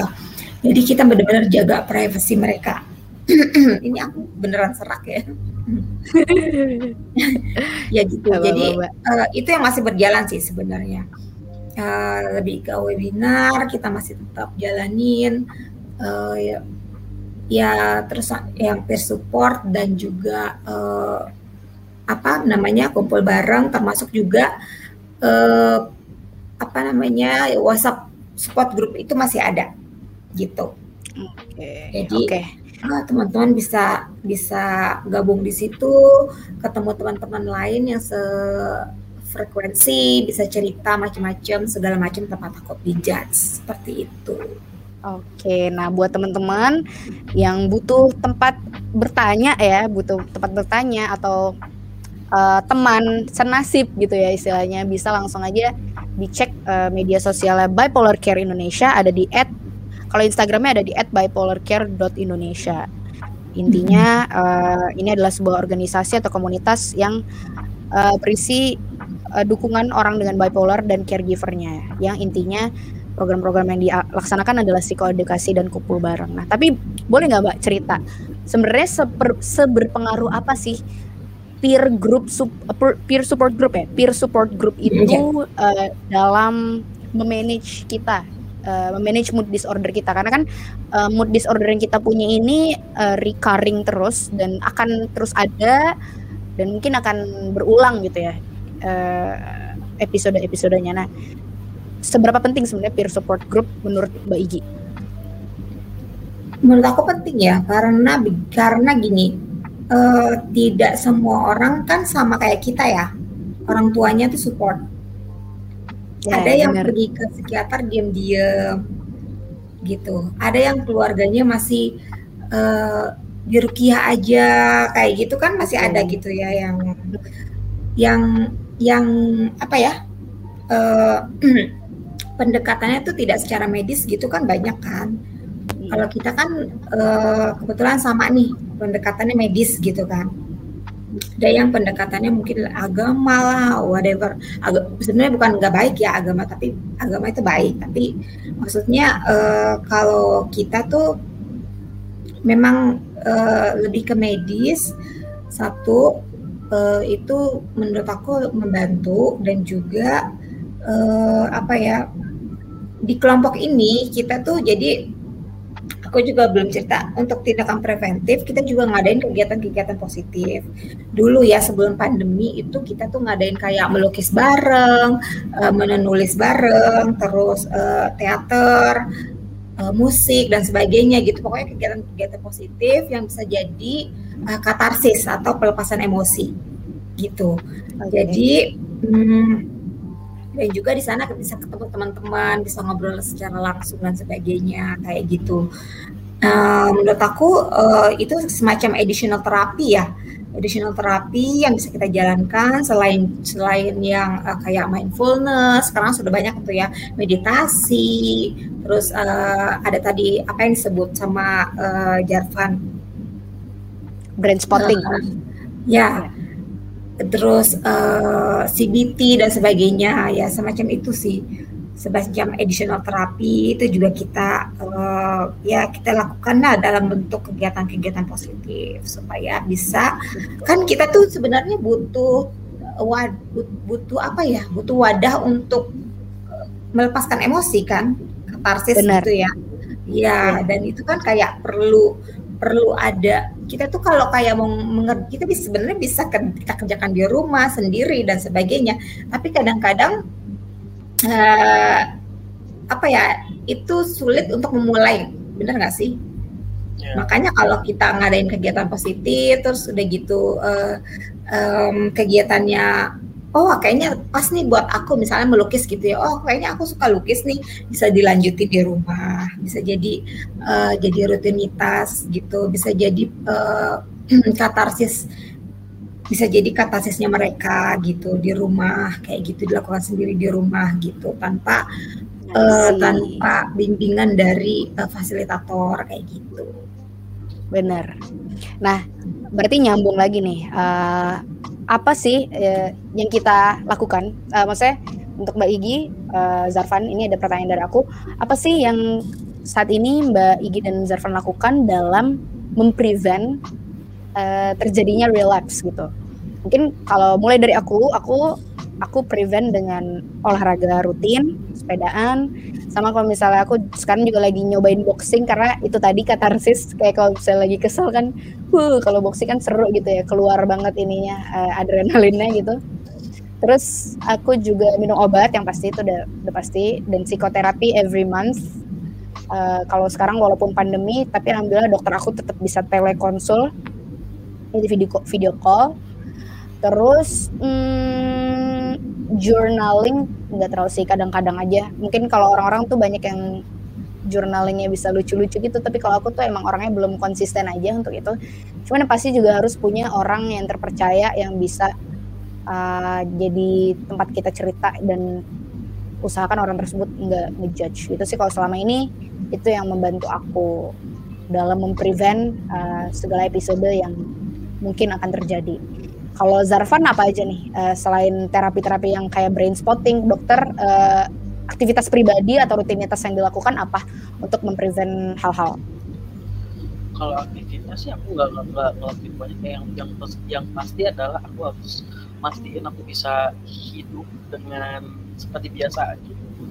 Uh, makan dengan teratur, tidur teratur gitu. Maksudnya biar pola hidupnya tuh aku nggak bilang sehat ya maksudnya uh, aku juga masih jarang olahraga dan lain tapi ya bisa mungkin masih bisa uh, fungsi hidup secara baik gitu. Terus juga lebih makin aware aja sih sama diri sendiri gitu. Dan uh, misalkan tahu nih oh ya ini sekarang lagi di fase depresi banget gitu. Cuman somehow kayak aduh uh, lagi males sih ngadepinnya ya udah tinggal minum obat aja langsung tidur. Karena tahu kan itu cuma fase doang and it will be gone gitu jadi lebih ke sana sih kalau aku. Gitu. oke. Jadi intinya ya oh kalau mbak Igi tadi selain selain dari menyibukkan diri di aktivitas di BCI uh, eh, apa aja mbak? Misalnya kayak kalau lagi pusing me time atau apa gimana? Kalau aku hmm, um, ini apa namanya?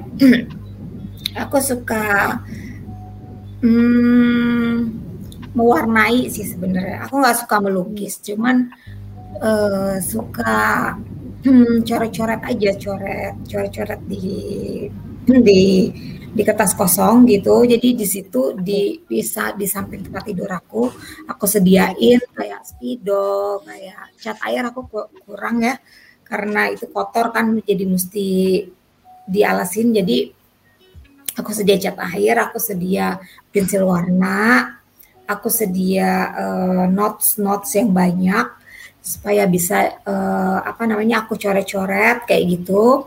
Terus ada journaling juga. Uh, terus sebenarnya yang paling membantu aku supaya tidak relapse sih sebenarnya adalah uh, rutinitas harian. Walaupun uh, jangan sampai itu jadi autopilot gitu ngerti gak sih?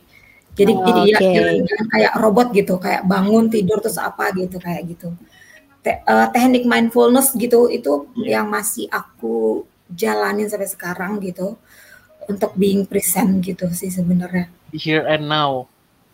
Yes. Benar. Oke oke oke. Hmm. Menarik banget sih uh, kalau Baigi tadi kan arahnya ke art gitu ya, nyoret-nyoret, mewarnai. Kalau yeah. Zarvan juga ya try to live normally lah, uh, makan yang teratur, uh, hmm. tidur cukup tidur cukup, cukup. terus apa tadi ya pokoknya produktif yang ah, cukup produktif juga. bener kayak yeah. apa ya eh, kita jangan sampai ada aktivitas yang kosong yang bikin otak kita tuh jadi mikir ke mana-mana juga kadang-kadang kan kalau misalnya kita nggak ada tujuan hidup kali ya bisa dibilang nah kalau aku pribadi juga uh, aku karena punya hobi fotografi juga uh, aku larikan ke sana juga sih jadi uh, kalau lagi capek sebenarnya kan kalau aku di Asifa Fotografi udah ada freelancersnya udah lumayan banyak kan 80 orang. Sebenarnya aku nggak butuh terjun langsung tapi kayak karena hari ini aku ngerasa kayak lagi jenuh nih dari kehidupan jadi aku ambil job foto dan mungkin capek ya panas-panasan gitu. Tapi buat aku sih itu ada part yang bikin relaxing sih kayak ketika ngelihat hasil ya ketika ngedit fotonya ah bagus nih foto gue nah jadi kayak confidence-nya naik lagi jadi bener sih uh, kita emang punya harus punya sesuatu yang kita bisa jadikan pelarian gitu bener banget oke okay, nah ending sedikit ya. Jadi dari hasil pembicaraan kita nih udah nggak nyangka udah satu jam 26 menit. Nah biasanya sejam doang tapi tadi karena sempat ada kesalahan teknis juga, jadi kita ngobrolnya lebih uh, lama, nggak apa-apa. Kita kasih bonus. Nah, aku pengen ngingetin lagi nih ke teman-teman yang hadir hari ini. Uh, mungkin bagi teman-teman yang ODB, kami ingin meyakinkan kalau kita tuh bipolar, tapi kita juga bisa punya hidup yang normal gitu. Buat teman-teman yang mungkin tidak ODB atau tidak punya mental illness apa pun, sama kami juga ingin menyampaikan pesan yang sama. Kalau kami bipolar, kami bukan orang berkepribadian ganda. kami orang we're human being, kita punya perasaan yang happens to apa ya, kita punya mood yang happens to change uh, a bit more rapidly aja dibanding kalian gitu.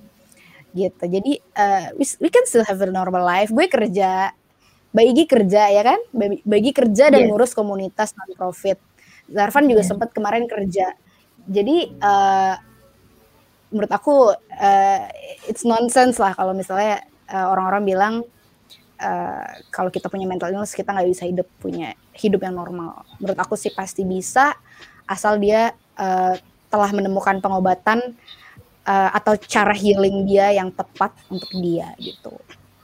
Oke, nah tadi tuh udah ada orang yang nanya juga, ada beberapa yang nanyanya via PM juga mungkin karena malu namanya disebutin. Nah ini kita ada satu yang nanya di YouTube, namanya Adrian Rizky. Langsung kita langsung masuk sesi tanya jawab aja ya.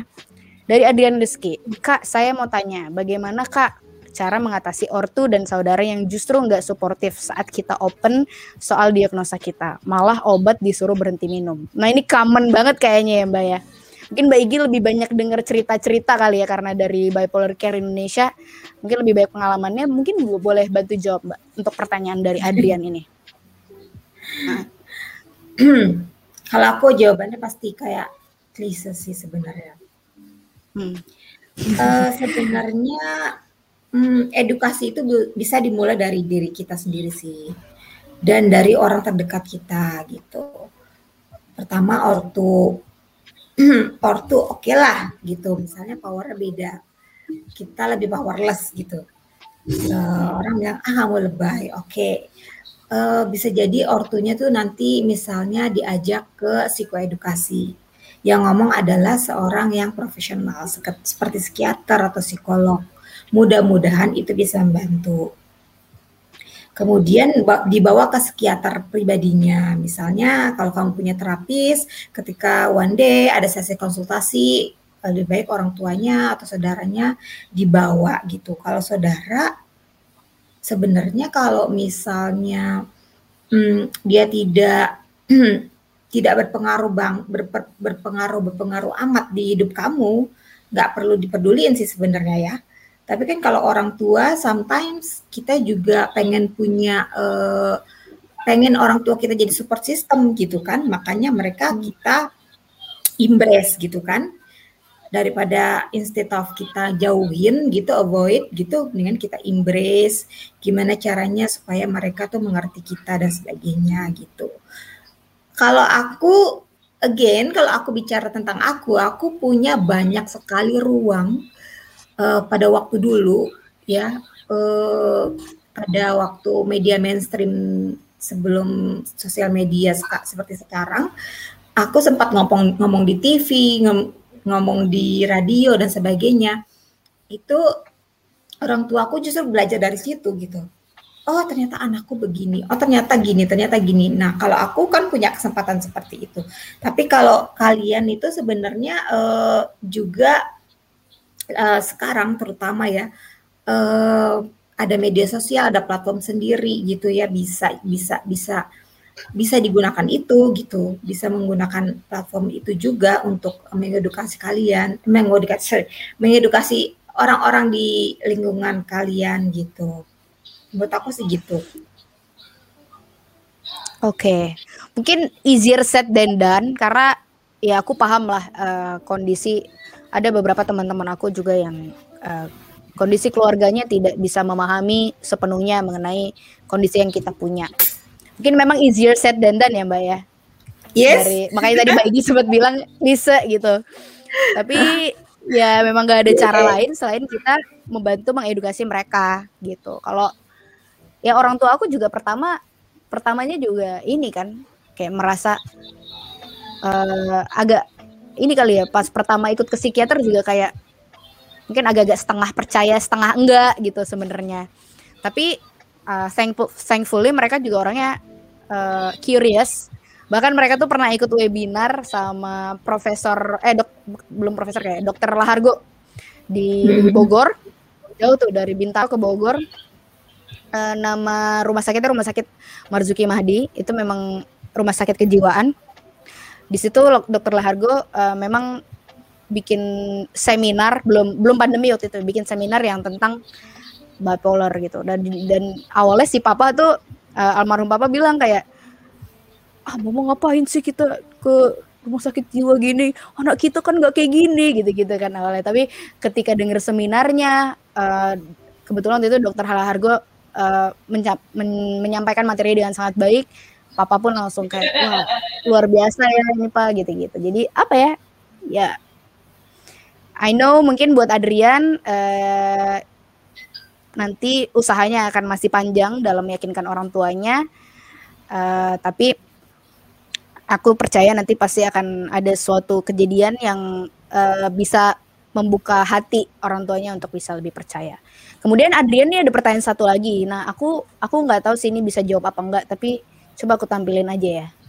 Apa it, apa bipolar affective disorder dan bipolar disorder itu case yang sama? Kalau aku tahu aku sih itu bipolar affective disorder itu kayak di bawah bipolar disorder gitu, jadi belum bipolar tapi kayak nggak sesevere bipolar. Tapi aku takut salah. Jadi mungkin di antara Zarvan sama Mbak Igi ada yang bisa jawab nggak ya tentang ini?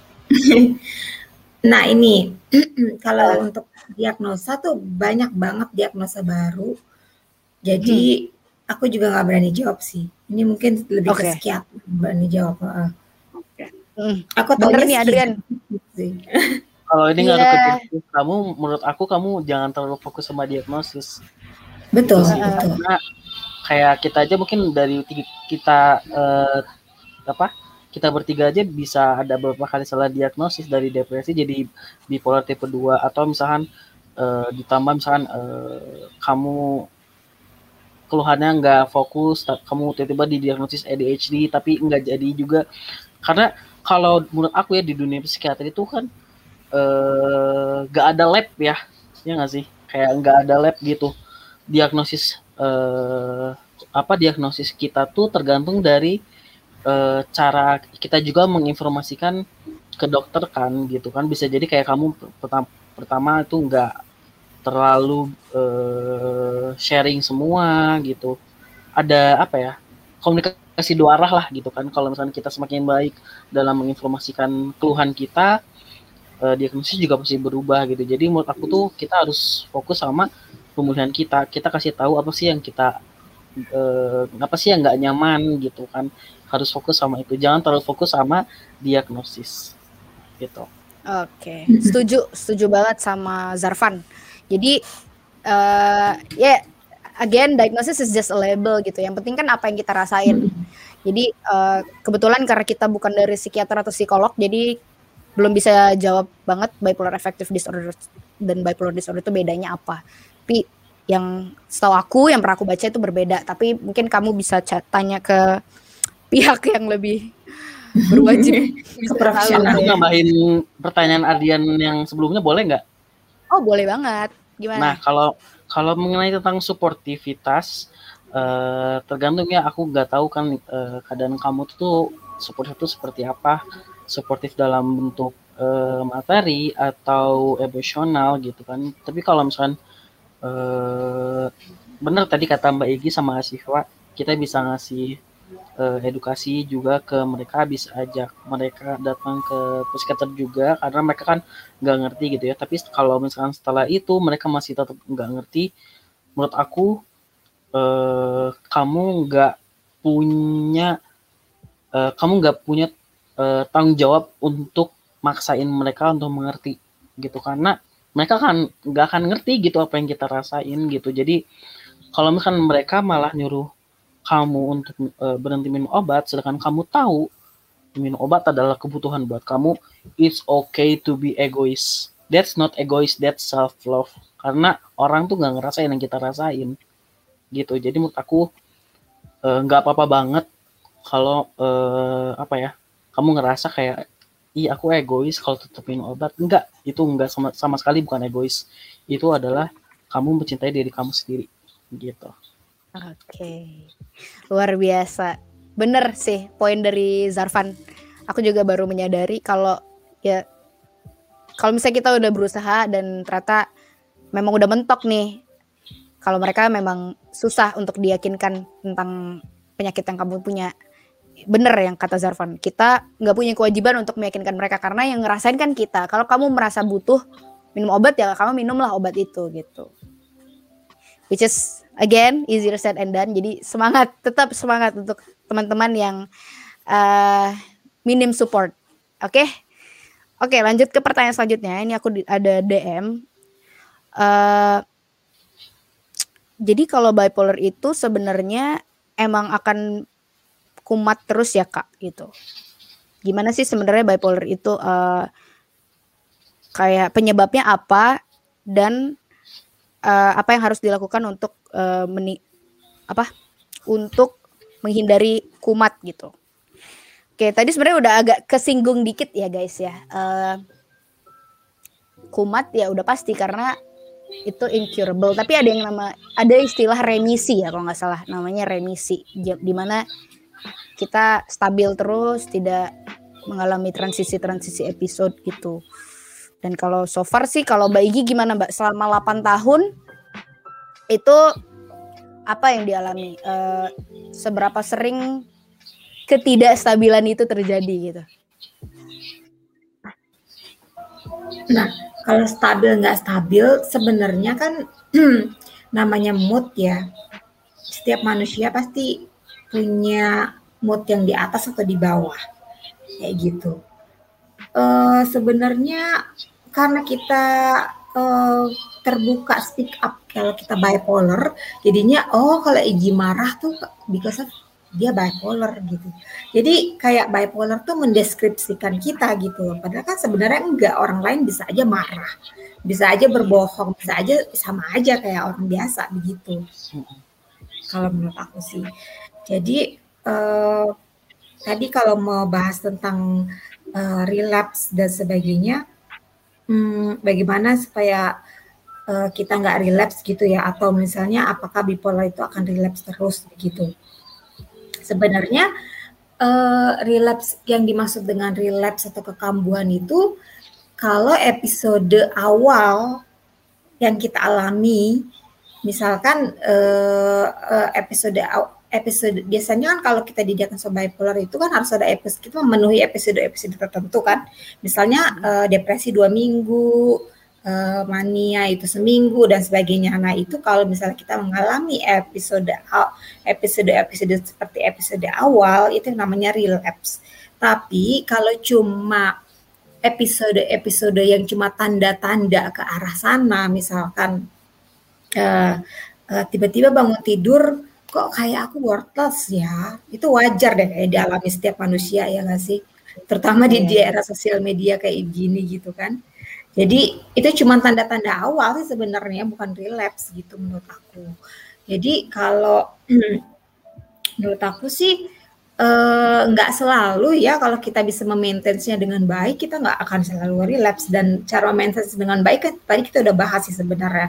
Pola hidup sehat gitu terus uh, tidur cukup terus melakukan additional terapi lah mindfulness dan sebagainya. Banyak olahraga banyak banget hal yang bisa bisa kita lakukan gitu untuk mencegah relapse atau eh relapse mencegah kambuhan gitu Oke, tadi pagi juga eh tadi siang kayak deh aku ngeliat Instagramnya bipolar care baru bahas banget tentang kekambuhan atau relapse itu. Jadi nanti mungkin bisa apa ya bisa dibuka aja langsung ke Instagram bipolar care Indonesia kalau misalnya pengen tahu definisinya lebih lanjut.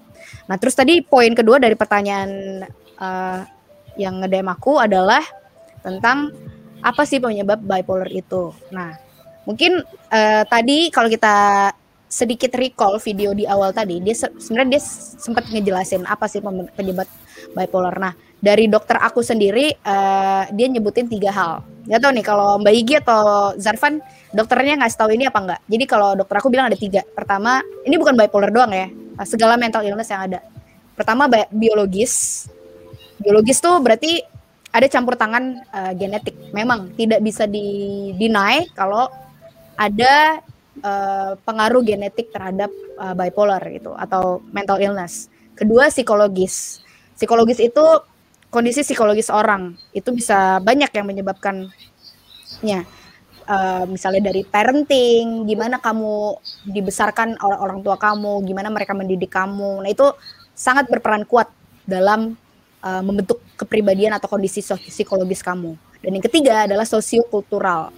Sosiokultural ini mungkin yang paling bisa kelihatan ya dari orang-orang. Misalnya uh, lingkungan dia kerja bagaimana, kehidupan sosial dia bagaimana.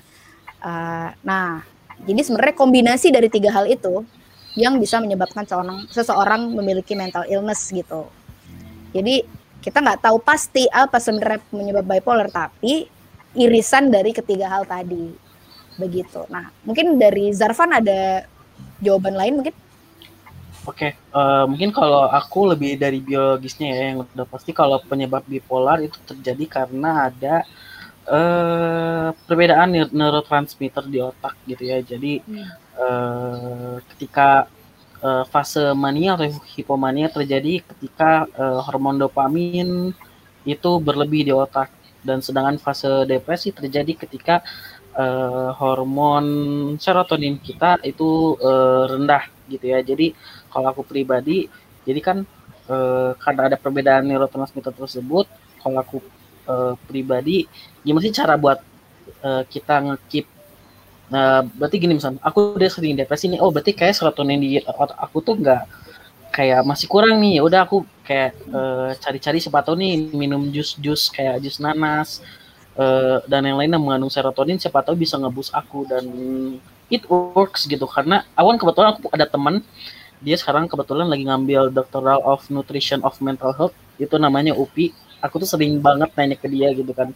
Uh, kayak pi aku uh, pengen deh uh, apa namanya uh, apa namanya pengen hidup sehat gitu. Maksudnya pengen makan bersih minum minum yang bersih gitu ya. Terus dia kayak ngasih resep gitu kayak jus nanas dan lain-lain yang yang apa uh, yang banyak gitu kadar serotoninnya dan it works gitu. Aku jadi lebih stabil uh, lama banget stabilnya gitu. Jadi kayak udah terbukti sih kalau emang kalau misalnya kita makan bersih, minumnya bersih juga, itu tuh belum ngaruh banget ke kesehatan mental kita gitu. Gitu sih. Oke, Adut. Nah, gara-gara eh gara-gara Zarfan tadi ngebahas tentang kadar hormon di otak, aku tuh jadi tadi nyari bukunya tapi nggak nemu tapi intinya aku udah baca. Jadi ini lumayan menarik sih guys kalau ada yang pengen baca. Judul bukunya Lost Connections yang nulis namanya Johan Hari.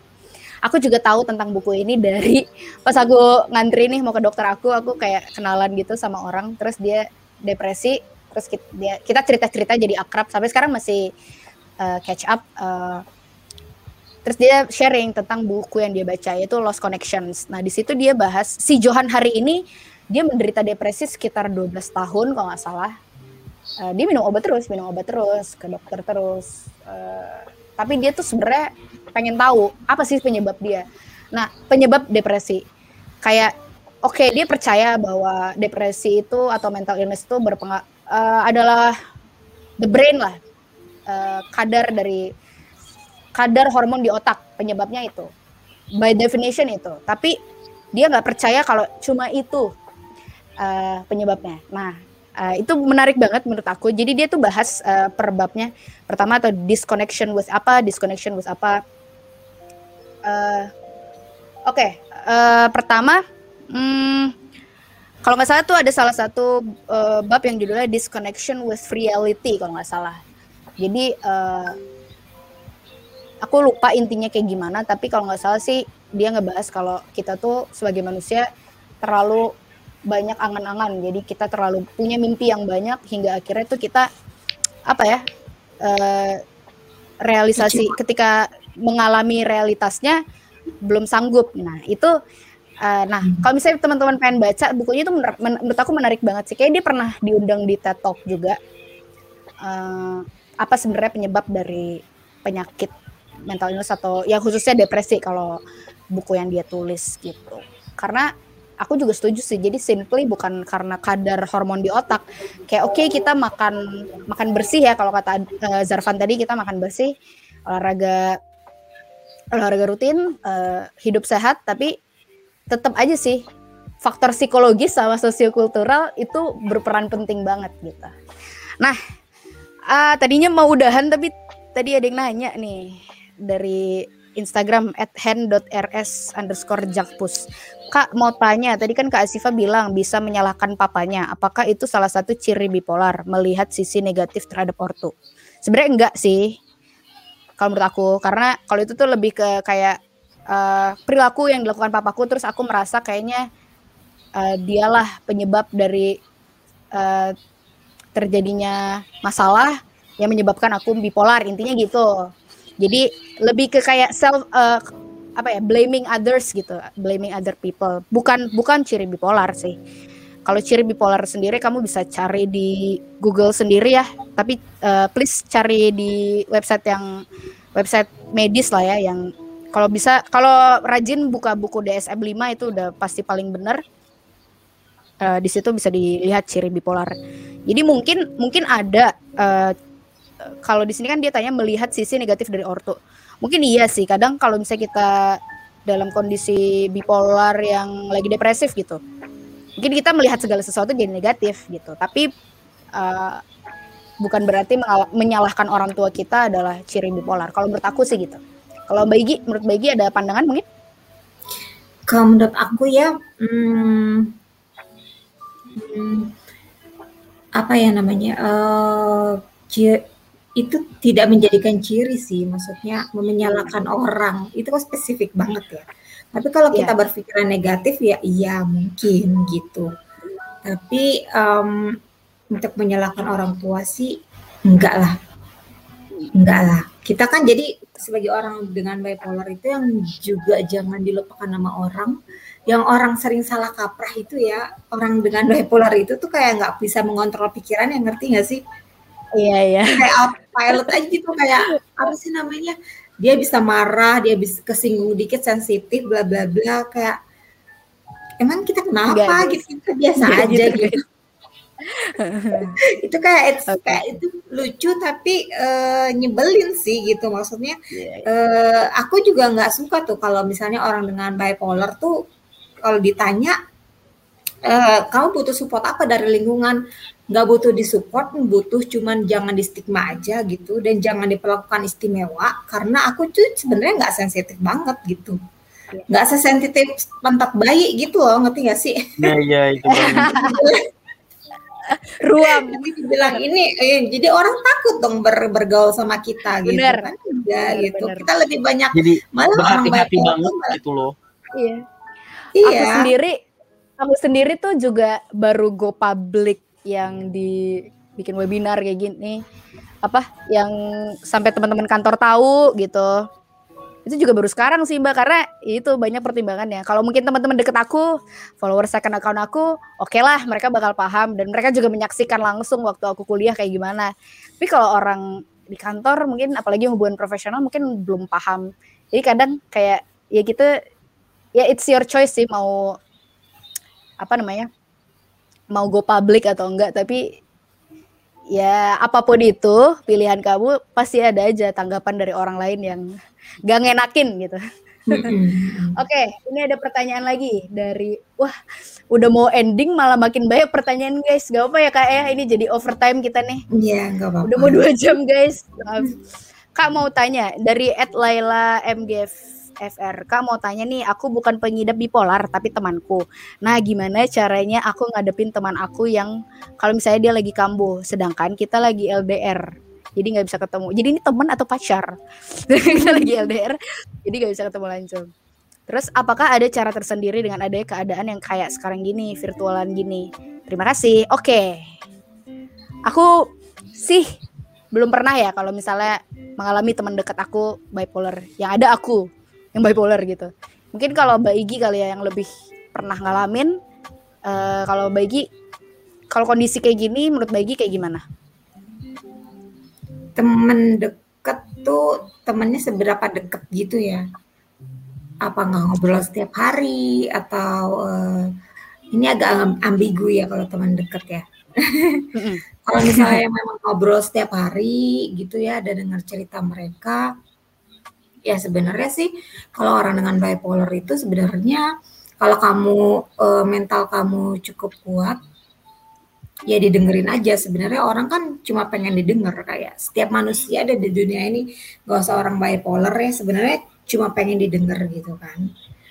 Ya kan? Karena sekarang uh, to be a good listener itu uh, sus, agak susah ya jarang jarang lah kita menemukan good listener gitu. Kayak everybody want to talk want to share want to karena terlalu uh, apa namanya terlalu pikirannya itu terlalu banyak yang pengen ke di, di diomongin gitu kan. Jadi susah jadi untuk mengabsorb sesuatu mengabsorb sesuatu tuh susah gitu menurut aku sih ya mungkin karena pengaruh sosial media, pengaruh uh, ya internet dan sebagainya menurut aku sih. Itu sih mendingan didengerin kalau emang itu benar-benar teman dekat kamu dan kamu ingin pengen mensupport kamu. Kamu jadi Ternyata pacar Kak katanya. Oh, pacar. Oh baru oh. dibales pacar kak maaf. Gimana kalau tuh? pacar ya ya itu tadi ya kalau pacar itu lebih berarti lebih complicated ya kan hubungannya secara emosional kan ada hubungan emosional, ada mungkin uh, apa pembicaraan tentang masa depan dan sebagainya gitu ya. Uh, dan ada pembicaraan-pembicaraan sensitif seperti genetik lah, bla bla bla dan sebagainya. Persetujuan orang tua lebih complicated lah intinya. Uh, tapi kalau menurut aku uh, balik lagi itu sebenarnya ada pembahasan khusus. Itu kalau mau dibahas panjang karena kalau misalnya jadi pendamping seumur hidup buat seorang uh, eh, ODB itu dia mesti uh, ya satu dia harus belajar tentang tentang apa itu bipolar. Terus udah gitu si orang bipolar jadi dua dua belah pihak ini. Jadi uh, si orang ODB-nya juga harus uh, apa ya uh, komunikatif gitu tentang tentang perasaannya tentang moodnya. Misalnya aku moodnya lagi nggak oke okay nih jadi aku agak sensitif nggak apa-apa ya misalnya gitu. Jadi yang ini yang si pasangannya itu udah siap dulu kayak gitu sih. Jadi uh, kalau mau diomongin banyak deh nanti mungkin ada sesi khusus kali ya untuk pasangan untuk uh, apa uh, relationship bipolar bipolar relationship gitu ya. Oke. Okay. Iya, ini topik yang cukup menarik. Ya, complicated juga. Iya, LDR lumayan complicated sih, tapi iya mungkin perbanyak ini ya, perbanyak video call atau teleponan karena memang communication is number one menurut aku yeah. kayak yeah. aku juga hmm, sempat kayak merasa mengalami hal-hal gitu aku langsung cerita ke pacar aku gitu kan um, itu tadi mungkin yang kata Mbak Igi uh, seorang ODB-nya juga harus bisa lebih terbuka gitu ke pacarnya jangan dipendem sendiri kadang karena kayak hmm. kadang kalau dipendem jadinya uh, kita mau bantu misalnya pacarnya mau bantu bingung gimana kan jadi uh, sebagai ODB juga harus berjuang di hal ini untuk bisa uh, lebih terbuka ke pasangannya dan pasangannya juga harus uh, bisa memaklumi gitu ya memaklumi dan memberi ruang ya mm -mm. tapi ya itu itu agak panjang sih kalau dibahas hari ini aku setuju jadi hmm.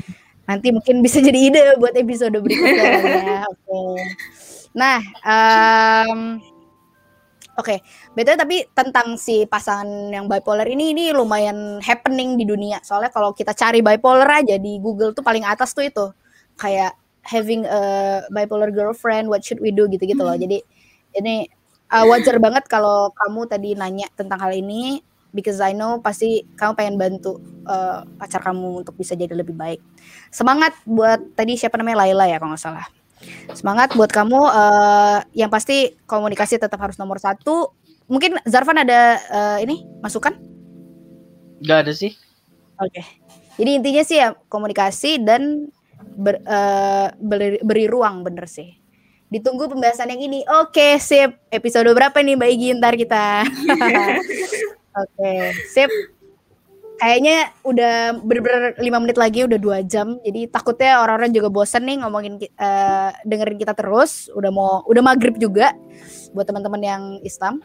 Oh ada satu lagi, ya udah deh nggak apa-apa satu lagi tanya. Siva tanya dong, obat untuk bipolar itu apakah obat keras? Oke. Okay.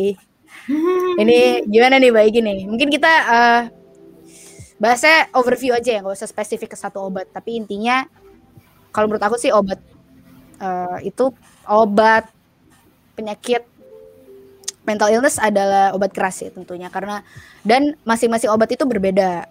Ada kadar ada dosisnya masing-masing. Kemudian efek sampingnya juga berbeda-beda. Dan ada orang yang mengalami efek samping A terhadap obat A katakanlah. Tapi ada orang A eh, ngomong apa sih?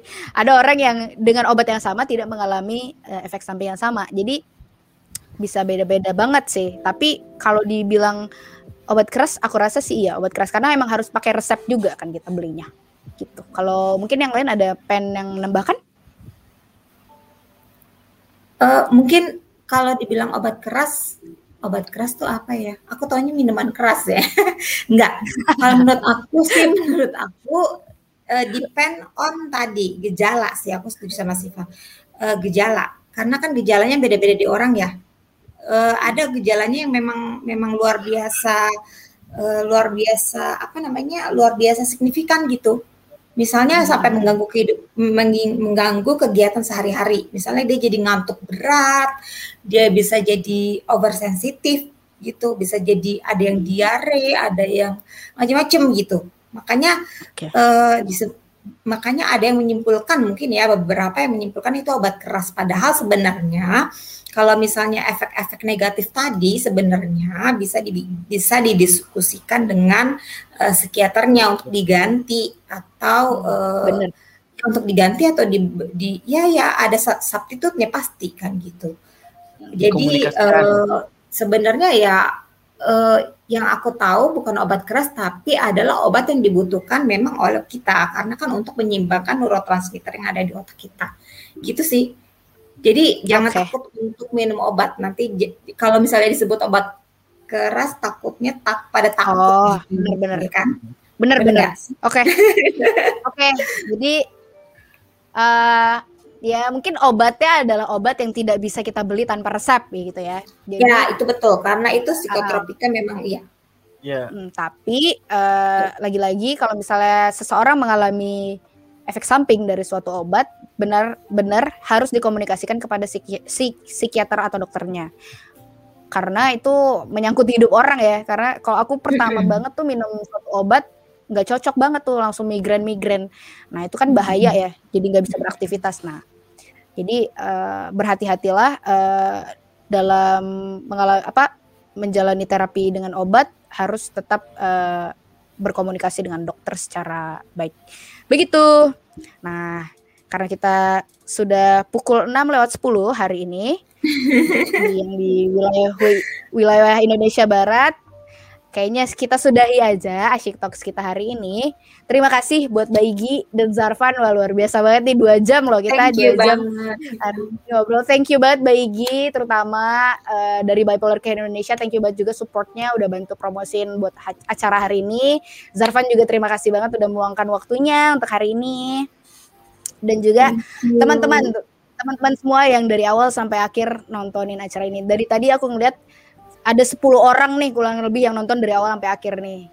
Luar biasa, keren-keren. Oke, uh, sebelum aku mengakhiri, aku mau menyampaikan sesuatu.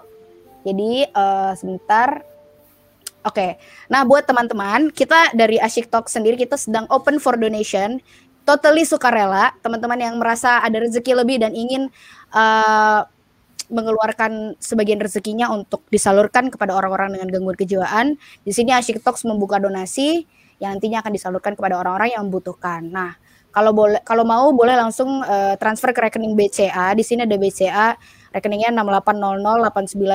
6800892749 atau biar gampang langsung di-scan aja QR code-nya. Dan kalau boleh, tolong tambahkan RP001 untuk memudahkan proses perekapan. Apabila sudah mengirim, mohon konfirmasi ke bit.ly slash konfirmasi donasi Asyik Talks. Nanti update uh, laporan mengenai distribusi donasi akan kita sampaikan kepada donatur melalui WhatsApp atau melalui email yang nanti diisi di link Bitly itu. Jadi buat teman-teman yang pengen donasi boleh banget. Oke, sekaligus kita lagi-lagi pengen pamit. Dadah, terima kasih semuanya. Thank you, Mbak Ya, thank you Dadah, Siva, dadah, Jangan. Oke. Dadah semuanya, terima kasih dan sampai jumpa di Asyik Talks episode berikutnya. Terima kasih, thanks for watching.